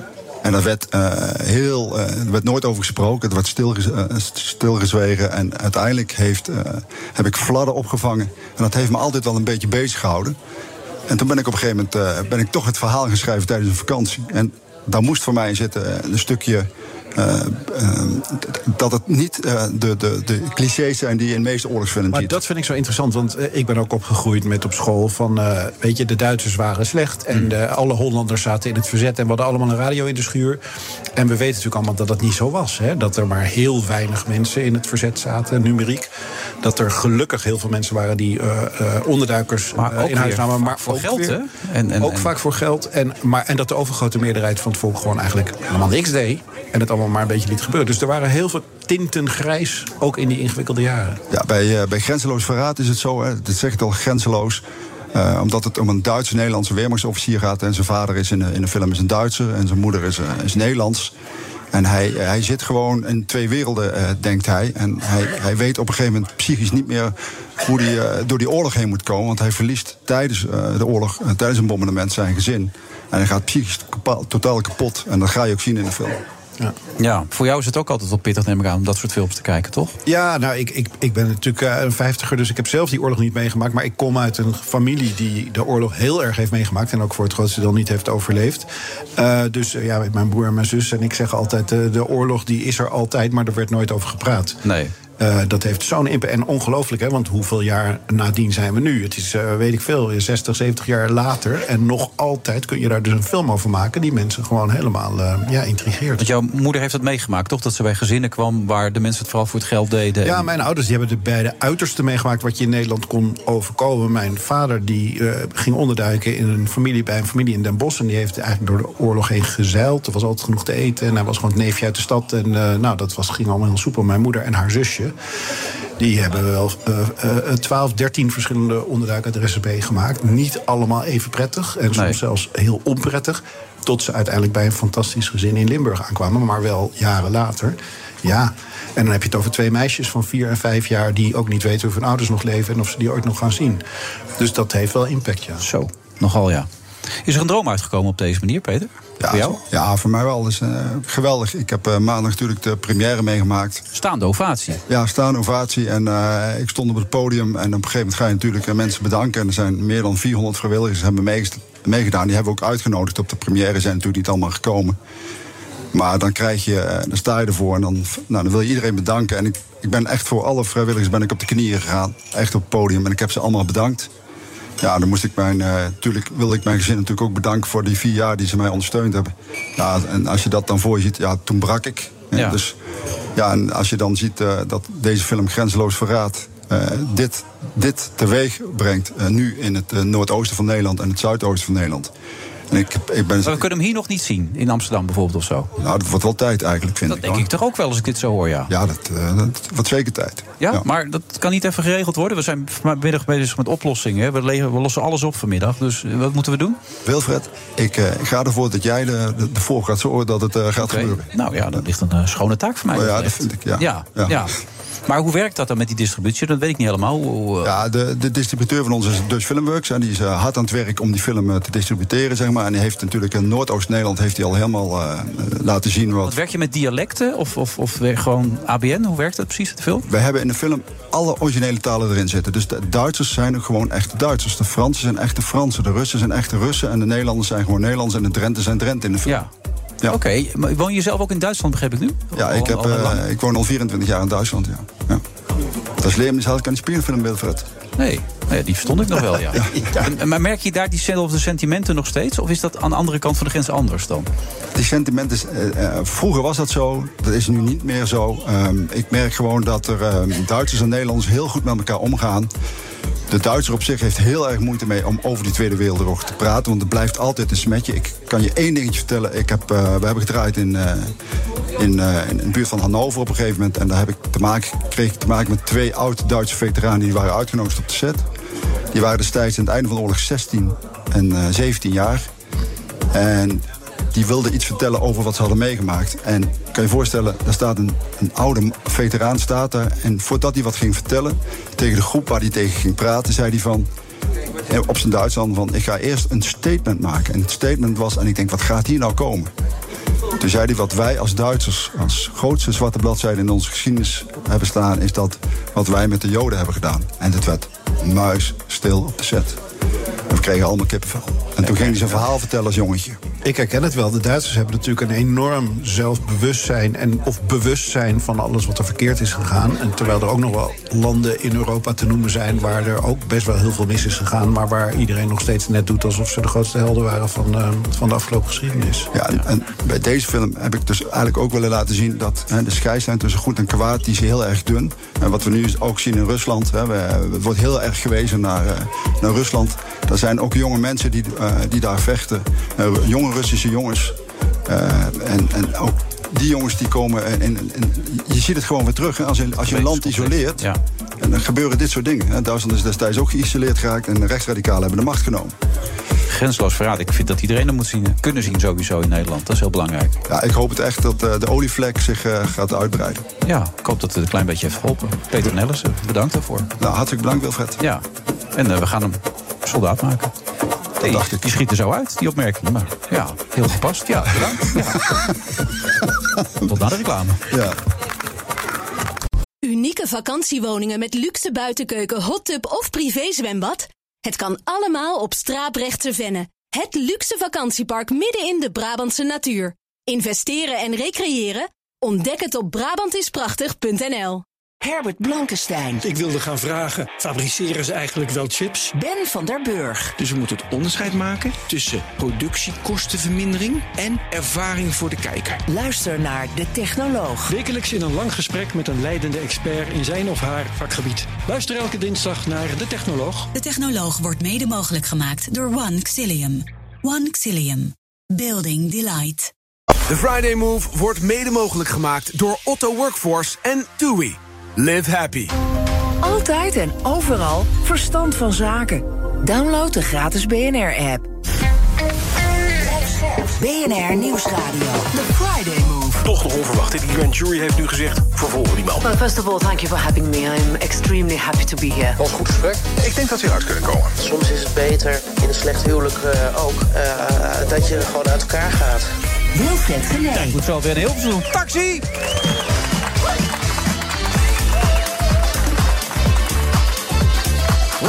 Laatste half uur alweer. Het gaat die tijd snel, zeg. We zitten vandaag in het Mercure Amsterdam City Hotel. In Amsterdam dus. En naast me zit nog steeds Marcel Levy. Wat gaat het snel, Marcel, hè? Het vliegt voorbij, maar het is ook echt wel heel leuk. Ongelooflijk. We zaten nog even in die oplossingen te denken. hè. Dat, dat- daar ben je heel erg van. Je hebt al eens geroepen Ibiza opblazen. Had ook met eh, milieu te maken. Eh, het, was een, het was best een serieus voorstel. Nou, misschien niet Ibiza, maar dat ging over CO2 in de lucht, hè, waar we het allemaal over hebben. Ja. Koolzuur. En daarvoor wordt warmt de aarde op, bla bla bla. bla. Dus wat is de oplossing? We gaan allemaal elektrisch rijden en we mogen geen uitstoot meer hebben. Nou, we weten allemaal dat dat niet gaat lukken. Want voor elke eh, elektrische auto die er hierbij komt, komen er 10 benzineauto's in China bij. Dus ik geloof helemaal niet in die oplossing. En toen zei iemand tegen mij: Weet je wel dat meer dan 99% van alle koolzuur in de hele wereld gebonden zit in de oceaan. Aan gesteente in de oceaan. Ja. En dat je eigenlijk alleen maar het oppervlakte van het gesteente met een heel klein beetje moet vergroten. En dan is ons hele CO2-probleem in een week over. Oké. En hoe kun je meer gesteente krijgen in de oceaan? Door een eiland op te blazen. Nou, toen kwam ik op Ibiza, want dan sta je twee vliegen in één klap. Ja, je hebt en het milieuprobleem opgelost en je bent van het ellendige eiland af. Ja? Nou, dat laatste was niet iedereen met me eens. En we moeten niet op vakantie gaan dan. Nou, ergens Nee, zijn genoeg andere mooie plekken in de wereld. Ja, nu horen we Kees al, hè? Taxichauffeur Kees. Ik moet een beetje oppassen met Kees, want Kees heeft mij vroeger heel regelmatig gereden, vertelde hij net. en dat was nog in mijn tijd ik vrijgezel was. Dus ja, Kees, goed dat je er bent. Hartstikke leuk. Ja, ik had nog wel eens een slokje of... Ja, had ik wel eens een klein drankje op Kees, dat weet ik. Ja, dat is al bij de uitzending geweest, vertelt hij net ook. Dus eh, ja, dat waren goede oude tijden, waren dat. Goed dat je er bent, Kees. Drink er even mij. Eh, Daarnaast zit Jan, andere taxichauffeur. Heb ik ook wel eens bij jou in de auto gezeten, Jan? Eh, nee, dat had ik me wel herinnerd, hoor. Nee, dat zou ik net zeggen. Ja, nee, dan kom ik hier goed mee weg. En natuurlijk de journalist die het allemaal gemaakt heeft. Onderzoeksjournalist. Dat klinkt ook zo mooi, hè? Ja, Onderzoeksjournalist. ja, ja. Sander het Sas, in samenwerking met BNR. Je hebt iets bijzonders gemaakt, heb ik begrepen. De taxioorlog. Ja, klopt. Het, over de taxioorlog, 20 jaar geleden, moet je je voorstellen. Ja. In één keer, de wet wordt veranderd. En Amsterdam had maar een paar taxis rijden. Ja, dat was nog in die tijd dat ik op Kees stond te wachten. Precies. Ja, ja. D- Dat was die periode. En in één keer eh, werd het hek wat een beetje om Amsterdam heen was, werd weggehaald. En in één keer konden allerlei taxibedrijven konden in Amsterdam gaan rijden. En dat vonden deze taxichauffeurs Nou ja, ik, volgens mij niet hebben we het wel zelfs over gehad in die auto. Want jij moest ervoor betalen voor die vergunning toen Ja, nog. ja, ik wou taxichauffeur worden en dan moest je voor die vergunning betalen. Anders En niet, niet weinig, hè, voor de duidelijkheid. Ja, een behoorlijke bedragen, ja. Ja, oh, je wil niet vertellen? Ja hoor, ik had, ik had nog een vergunning voor drie ton. Drie ton? Jij ook, Jan? Ja. Drie ton? De, de rentepercentages bij de banken die waren 15, 16 procent ook nog eens een keer. Dat moest je ook nog eens betalen. Dus je moest drie ton om zo'n vergunning te krijgen, dan mocht je rijden. Op het Ja, met drie man kon je met drie man rijden op Ja. één vergunning. Ja. Ja, dus dat was drie ton. Ja, dus dat is een ton de man dan. Ja. Ja, Nee, ik reken even snel uit. Ik Ja, denk, oh, ja, ja, ja. Ik moest even denken, ja. Ja. Ik viel even stil. Ja. Ja, Makkelijk niet natuurlijk. Maar, eh, en toen? Wat gebeurde er toen allemaal? Nou, eh, rellen. Want die taxichauffeurs waren het er niet mee eens. En er werden auto's in de brand gestoken, eh, eh, banden lek geprikt. Nou ja, er is ook geweld gebruikt. En eh, op 28 januari ging het helemaal mis. Er was een grote demonstratie. En toen probeerden jullie ook nog een taxichauffeur die al vast zat... uit het eh, politiebureau Warmoestraat te bevrijden. Nou, een heel dun straatje. tijd. Eh, een smal straatje. En eh, de ME greep in. En nou ja, dat, dat ging ook niet heel erg... Misschien even een stukje laten horen, want het is wel heftig allemaal. Gaan nu eh, een aantal taxichauffeurs naar binnen. Hoor je de angst in zijn stem? Als niets vermoedende jonge radioverslaggever staak ineens tussen de rellende taxichauffeurs. Dat is de bedoeling. Ze worden allemaal naar binnen is 26 januari 2000. Er wordt geduwd en getrokken. De taxioorlog is uitgebroken in Amsterdam. Nu gaat het echt mis. We, worden, we komen beklemd te zitten. Ik vind het een wonder dat er, dat er eigenlijk geen doden zijn gevallen, dit hele verhaal. Ze zijn woedend en vieren dat botte politie, wethouders, ministers en elkaar. En ja, dan rijden ze gewoon zo'n chauffeur klem. En dan eh, gaan ze hem even onder handen nemen met een paar uh, man met een paar knuppels. En dan slaan ze iemand gewoon half verrot. Dus die zwarte Benny, nou ik heb hem gezien drie weken nadat hij ontslagen was uit het ziekenhuis. De pinnen spaken nog uit zijn keel, uit zijn nek en uit zijn, eh, uit zijn, eh, uit zijn lichaam. Maar niets is wat het lijkt. Eigenlijk waren ze gewoon aan het vechten tegen de maffia. Het bestuur van de centrale wordt ineens zelf gearresteerd. Binnen de taxicentrale spelen directie en een aantal bestuursleden een smerig spel van fraude, oplichting en corruptie. Jan en Kees die kwamen daarachter op een moment. En die gingen daartegen vechten. En dat, dat vind ik buitengewoon knap hoe zij dat in die periode hebben gedaan. Met eigenlijk wel gevaar voor eigen gezondheid en veiligheid. En dan blijkt ook de onderwereld betrokken. Hij zei, nou, ik ben eh, een luitenant van John Mierenmet. Ik moet ervoor zorgen dat jij je anders gaat gedragen in het bestuur van de TCA. Zo. Jan, jullie kwamen erachter. Hoe? Eh, nou, onder andere door dit feit wat net genoemd werd. En er is ook daadwerkelijk een aanslag op mij eh, beraamd. Echt waar? Waar ik met heel veel geluk eh, aan ontsnapt ben, zeg maar. Hoe dan? Hoe is dat gelopen dan? Eh, ja, ik moest op een gegeven moment ergens naartoe. En eh, ja, dat, die dame die reed ik al drie weken. En die keer kon ik toevallig zelf niet. En ik stuurde een ander.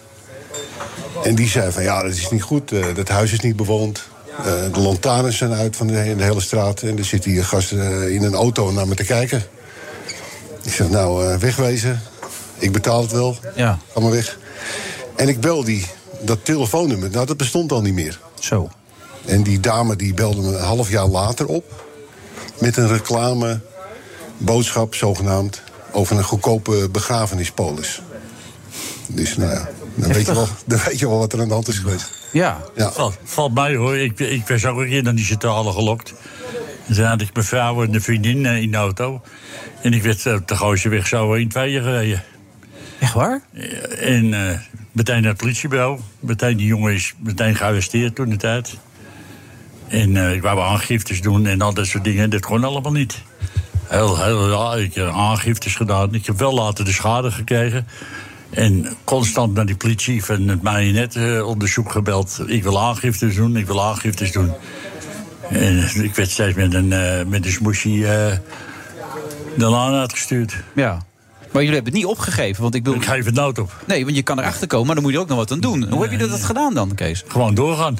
Ja, nee, zo klinkt het heel simpel. Maar, eh, Ja, gewoon ja, zo- doorgaan. Ik zo moet je dan weglopen. Als je wegloopt, dan slaat je de deur achter je... en dan zie je niet meer wat daar binnen gebeurt. En Nee. als je er blijft, kun je er blijven. Maar eh, we hadden ook een officier van justitie... en die had ons beloofd dat hij ons in alles zal steunen, meneer Tonino. Ja. Nou, de scheidbak heb zelf de computer buiten gezet toen de tijd. Oh ja, dat was die inderdaad. Dat was die. eh, Ja. de- en, en die computer is gevonden door een van de criminele taxichauffeur. Toevallig, hè? Maar hij, heeft zich, En hij heeft zich dus en- laten en wegsturen door die criminelen. Ja. Daar komt het op neer. En toevallig stond er wat porno op die computers. Nou, ik weet wie die dit eh, heeft opgezet. Dat heb ik ook verklaard bij de politie. Ja. Wie dan? Ja, bij de taxicentrale is dat gebeurd. Dat hebben ze daar laten doen? Dat hebben ze daar laten doen. En ik weet, ik weet precies waar ze er vandaan hadden. Uit welke boeken de tekeningen stonden die er allemaal op stonden. En noem maar op allemaal. Je vertelt het heel nuchter, maar, eh. maar Marcel, ik zit er naar te luisteren. Ja, Ik een stukje romantische Amsterdamse geschiedenis, eh, Ja, volgens ja, mij. ja, ja, je ziet iets anders zijn als directeur zijn van het AMC. hè, Maar, Ja, daar gebeuren ook dat soort dingen niet? ik heb er vaak gestaan met het AMC, dus ik weet het. Ja. Dus, maar ja, Ja, nu- nu- eh, zo werkt het. Maar even, jullie zijn doorgegaan. Hoe zijn ze doorgegaan, Sander, dan? Hoe hebben ze dat gedaan? Maar je moet je voorstellen dat eh, in begin 2001 eh, drie mensen van die taxicentrale inderdaad werden gearresteerd. Hebben vier weken vastgezeten. eh, werden verdacht onder andere. Hmm. En dat was onder andere Dick Grijping, hè, de directeur. eh, misschien kan, kan je hem nog Ja, wel ik, ik herinneren. woon in die tijd in Amsterdam, dus Ja, ik weet het heel goed. Ja, Ehm, Hij heeft een gezellig. heel één kopje, die man. Maar hij werd onder andere verdacht van het witwassen, het, het leiden van een criminele organisatie. Het waren echt best wel forse aantijgingen die er toen lagen. Hebben vier weken vastgezeten. Toen kwamen ze vrij. En dat strafrechtelijk onderzoek heeft uiteindelijk tot 2007 gelopen. Heeft heel lang gelopen. En, Ja. en Jan en Kees hebben verklaringen afgelegd. Maar moesten tegelijkertijd dus in die centrale blijven werken. Want daar waren ze van afhankelijk. En werden daardoor eh, door deze mensen geïntimideerd. Eh, nou ja, we, we hoorden net al de verhalen over van de weg gereden. Ehm, nou ja, jij, jij hebt ook jij hebt nog veel meer meegemaakt, Jan. Eh, ja, want eh, werk werd, werd on- onthouden. Dus wij betaalden wel onze bijdrage aan die centrale. Maar werk kregen we niet. Maar hoe, hoe kwam je dan in levensvoorziening, kon je dan verder? Heel moeilijk. Heel lange dagen, 12 tot 14 uur. En dan eh, gewoon eh, zes dagen in de week. Zeven dagen. Ja, dus soms ook zeven Maar- dagen. Ik heb wel eens... Bij mij stapten er drie boyenkats in en die, eh, die zeiden tegen me... als je nou niet ophoudt, komen we de volgende keer terug... en dan loopt het helemaal verkeerd met je af. Toen zei ik, nou, je doet je best maar. Ja, je moet je voorstellen, En toen gooide- toen ze gewoon een tientje op de, op de, op de stoel... en toen stapte ze uit bij me. En nooit meer gezien daarna? En daarna heb ik ze niet gezien, nee. En Jan werd toen dezelfde week eh, ook bedreigd in een, in een koffiehuis. Ja. Ja. Die zei ook hetzelfde. Zoek het maar uit. Of zei je iets minder? ja, ik zeg, want de eh, Kees doet er heel rustig over, maar ik kan me voorstellen... Ja, maar ik zei in het koffiehuis ook van... nou, weet je wat jij moet doen? Je moet je baas bellen. Ik, ik heb met jou niets te maken. En ik ben niet bang voor... Maar jullie zijn nooit bang geweest allebei? Nee. Nou, eh, Sander heb je zijn bandje voor me opgenomen. Misschien kan hij het beter zelf vertellen, maar een bandje opgenomen. Ik zeg, ze schieten me vandaag morgen misschien wel voor mijn harses. Ja. Ik ben een keer dat bandje uitzenden. Ja, want eh, John van Heuvel hoorde ik net zeggen dat er geen doden zijn gevallen. is ongelooflijk. Zo heftig was het. Zo heftig was het. Ehm, je, moet- eh, je hebt het ook over bodyguards. Maar op een gegeven moment had de taxicentrale Amsterdam dus zes, nou ja, jullie noemen het kooivechters, bodyguards in dienst. Een ordendienst die dus eh, nou, moesten controleren wat Jan en Kees en ook andere dissidenten, zeg maar met aanhalingstekens, chauffeurs deden. En die werden dus ook geïntimideerd. En dat gebeurde gewoon dag in, dag uit. Als ik, als ik naar de rechtbank eh, moest, en daar moesten we toen de tijd regelmatig heen. En dan kreeg ik ook altijd gelijk van die rechters, dat moet ik ook zeggen. Ja. Stonden de boykats buiten op de hoop dat je niet naar binnen dorst. Dus je moest altijd door die haven van die boykats lopen. En dan kreeg je een tik op je gereed of wat dan ook. Maar je moest nog gewoon niet reageren, gewoon doorlopen. Ja, je je, hebt in we, elkaar hebben, slaan. we hebben ook bijvoorbeeld Paul, Paul Vugts in de, in de Ja. podcast. eh. Een journalist van het van Parool. Die ook zegt dat hij ook bedreigd is door die bodyguards eh, van de TCA. Want even het verhaal was dat zij eh, gaven het op een gegeven moment vrij... maar daar verdienen ze ook heel veel geld aan, neem ik aan, die baas allemaal. Daar, en zo. daar, daar werd heel veel geld aan verdiend. En eh, wat op een gegeven moment de, eh, aan de orde kwam, is dat die TCA eigenlijk bestuurd werd door de onderwereld. Dus die zat daarin. En, en er werd geld wit gewassen. Dat, is ook, dat was ook die aanklacht die er lag. En tegen John van der Heuvel, de journalist van de Telegraaf, heeft John Mierenmet, hè, de, de beruchte crimineel die in 2005 is geliquideerd, die heeft tegen hem gezegd: van die TCA die gebruik ik, die is eigenlijk van mij. En eh, dat zat erachter. En daar ging dat onderzoek ook over. Alleen het probleem is dat dat onderzoek van eh, het Openbaar Ministerie uiteindelijk in 2007, ja, dat, dat is. Ja, daar is niks meer mee gebeurd. Dat is op een gegeven moment geseponeerd. Er is nooit tot een veroordeling niks Nee. gekomen. Het is Nee. gewoon gestopt. Ja, dat is, gestopt. Ja, dat is- werd ook bedreigd. Nou ja, de officier van justitie is op een gegeven moment is, eh, is, eh, gestopt met dat onderzoek. Daar is een andere officier van justitie eh, voor in de plaats gekomen. En op een gegeven moment, ja, dan heeft het zeven, acht jaar geduurd. Mierenmet is inmiddels overleden. Eh, deze heren hebben er ook voor gezorgd dat die eh, het TCA-top uiteindelijk wel uit de centrale is gegaan via de ondernemerskamers. Nog een heel ander verhaal. Dus dat is een civiele zaak geweest. Ja, toen was er eigenlijk geen noodzaak meer met aanhalingstekens voor het Openbaar Ministerie om dit nog, eh, nog verder. Ja, Maar is toch wel onbevredigend dan, toch? Of niet, Kees? dat er nooit echt mensen... Tuurlijk is het onbevredigend. Zeker als je weet dat eh, alle beloftes vanuit de politie is gedaan... dat ze ons aan alle kanten zullen steunen. Ja, niet echt gebeurd als ik het zo Maar is niet echt gebeurd. En als je nou ook weet dat, eh, dat hij heeft zelf bij de politie gewerkt, die Grijping. En die werd bij ons in 95 directeur. Maar hij moest weg bij de politie. Oh, Oké. En toen eh, via een omweg, want de, het zaten bestuursleden van de gemeente Amsterdam bij ons in het bestuur. En die zei: We hebben een goede directeur voor jullie. Dat is een hele goede geweest. Dat is een hele goede geweest, ja. Ja. ja. En, en daar Dat wil je u dit verhaal ook nog een keer vertellen, neem ik aan. Omdat het is. Ja. Nou, vooral om inderdaad, eh, de conclusie is onbevredigend. Ja, Het is enorm. niet eens voor de rechtbank geweest. En eh, ja, wij hebben daar enorm veel schade van geleden. Wij konden zelfs niet eens een aangifte doen. Dus Nee, dat vertelde Kees net. Ja, maar dat, dat komt dat de politie eh, vriendjes van hem waren. En continu hebben wij daar bovenop gezeten, hoe dat zat precies.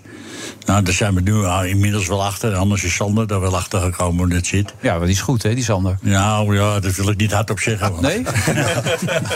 Zou ik ook niet hardop zeggen hoor, Kees. Maar hoe- even, hoe is de situatie nu, op dit moment in Amsterdam dan? Nou, de situatie is dat er natuurlijk heel veel concurrentie is gekomen. Uber, maar dat is echt wel weer een heel ander verhaal. Ja. Eh, ja, maar zijn jullie nog taxichauffeur? Zijn Ja, jullie- ja. Nog Ja. steeds? Ja, natuurlijk elke dag. Elke Met dag. veel plezier. Jawel. Ook nog? Jawel hoor. Ondanks de Ubers en al die andere ja, jaren. maar ik ben pas 37, wat lul je. Ja, nee, zo zie je er ook uit, Kees. Dat- je was net begonnen toen ik in Amsterdam woonde, dat kan ik me Ja, herinneren. Je had niet ja. eens een snor toen. Nee, je had nog geen baardgroei. Nee, je kwam net kijken. Ja. Je kan net kijken. Ja. Dus maar- ik vind het nog steeds leuk om te doen. Alleen door de mooie wetgeving van de overheid in 2000 heb je altijd scholium op straat gekregen. En, dat ergert me wel iedere dag. Maar die drie ton die erin gestoken was, ja, de ton de man natuurlijk, hè, die, die, die heb je er nooit nou meer ja, uit kunnen halen. Die verrunnetjes hoor. Nee, weg. Is weg. Boom, zo. Daar heb je nooit ergens iemand maar voor aan in, in kunnen. Rotterdam en Den Haag en Utrecht, weet ik veel, werden ze wel uitgekocht. Maar wij hadden een beetje te grote bek natuurlijk in Amsterdam. Dat Nou begrijp ja, ik wel. Is dat zo? Heb je dat Ja, in Amsterdam ik snel, ja? ja? Ik kan me niks bij voorstellen. Nee, ik ook niet. Maar er is ook wel een kwaliteitsdingetje. Want eh, ik, ik weet nog wel, toen het vrijgegeven werd... is nu iets beter met al die mobieltjes. Maar toen, eh, toen kreeg je al taxichauffeurs... die wisten ook gewoon de weg Helemaal, helemaal, niks. niet. Nee, maar dat, dat werd zo vrijgegeven. Ik, toen ik voor mezelf begon, moest ik een middenstandsdiploma hebben. Ik moest een stratenkennis hebben. Ja. Ik moest verkeerstest doen. Ik moest een rijtest doen. En toen werd het zo vrijgegeven. Dus je, dan krijg je toch automatisch gooien op de auto. Ja. Ja, dus, en dan stapten ze in en dan moesten ze naar het AMC. Dat wisten ze niet. Dus je bent onze lieve vrouwengasthuis. Maar, eh, Jan en Dat is wel Kees? een ellende voor je dan. ja. Dat is echt niet goed hoor. Dat moet je Nee, nee, nee. Even voor de mensen die nu een taxi nodig hebben in Amsterdam. Wat is het nummer? Wat moeten ze bellen nu? Ja, wat het nummer is, dat weet ik niet. Weet ik niet.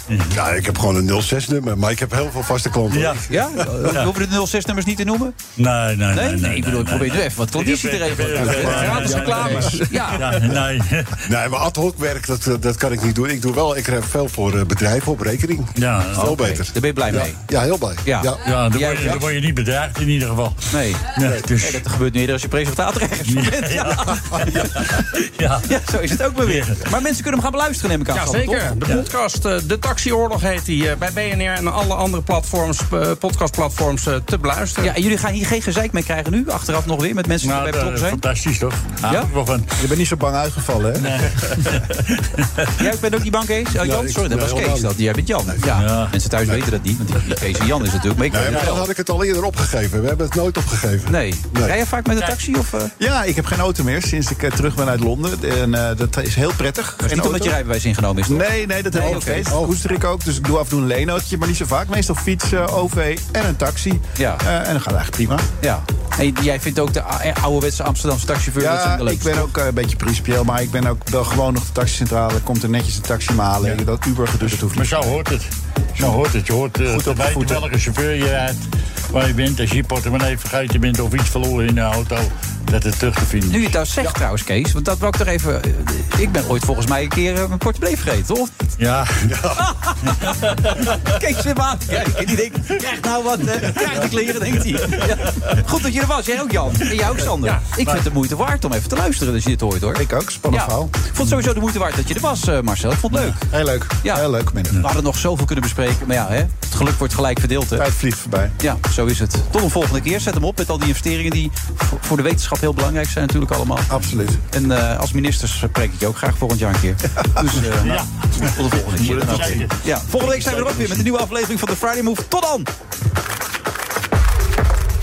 Well, first of all, thank you for having me. I'm extremely happy to be here. Ja, het is uh, reuze gezellig, maar. En al die blije gezichten. En al die blije gezichten. Ja. Dan riskeer je dus als belastingdienst weer allerlei rechtszaken, procedures van hè, de maker van de pizza met ananas.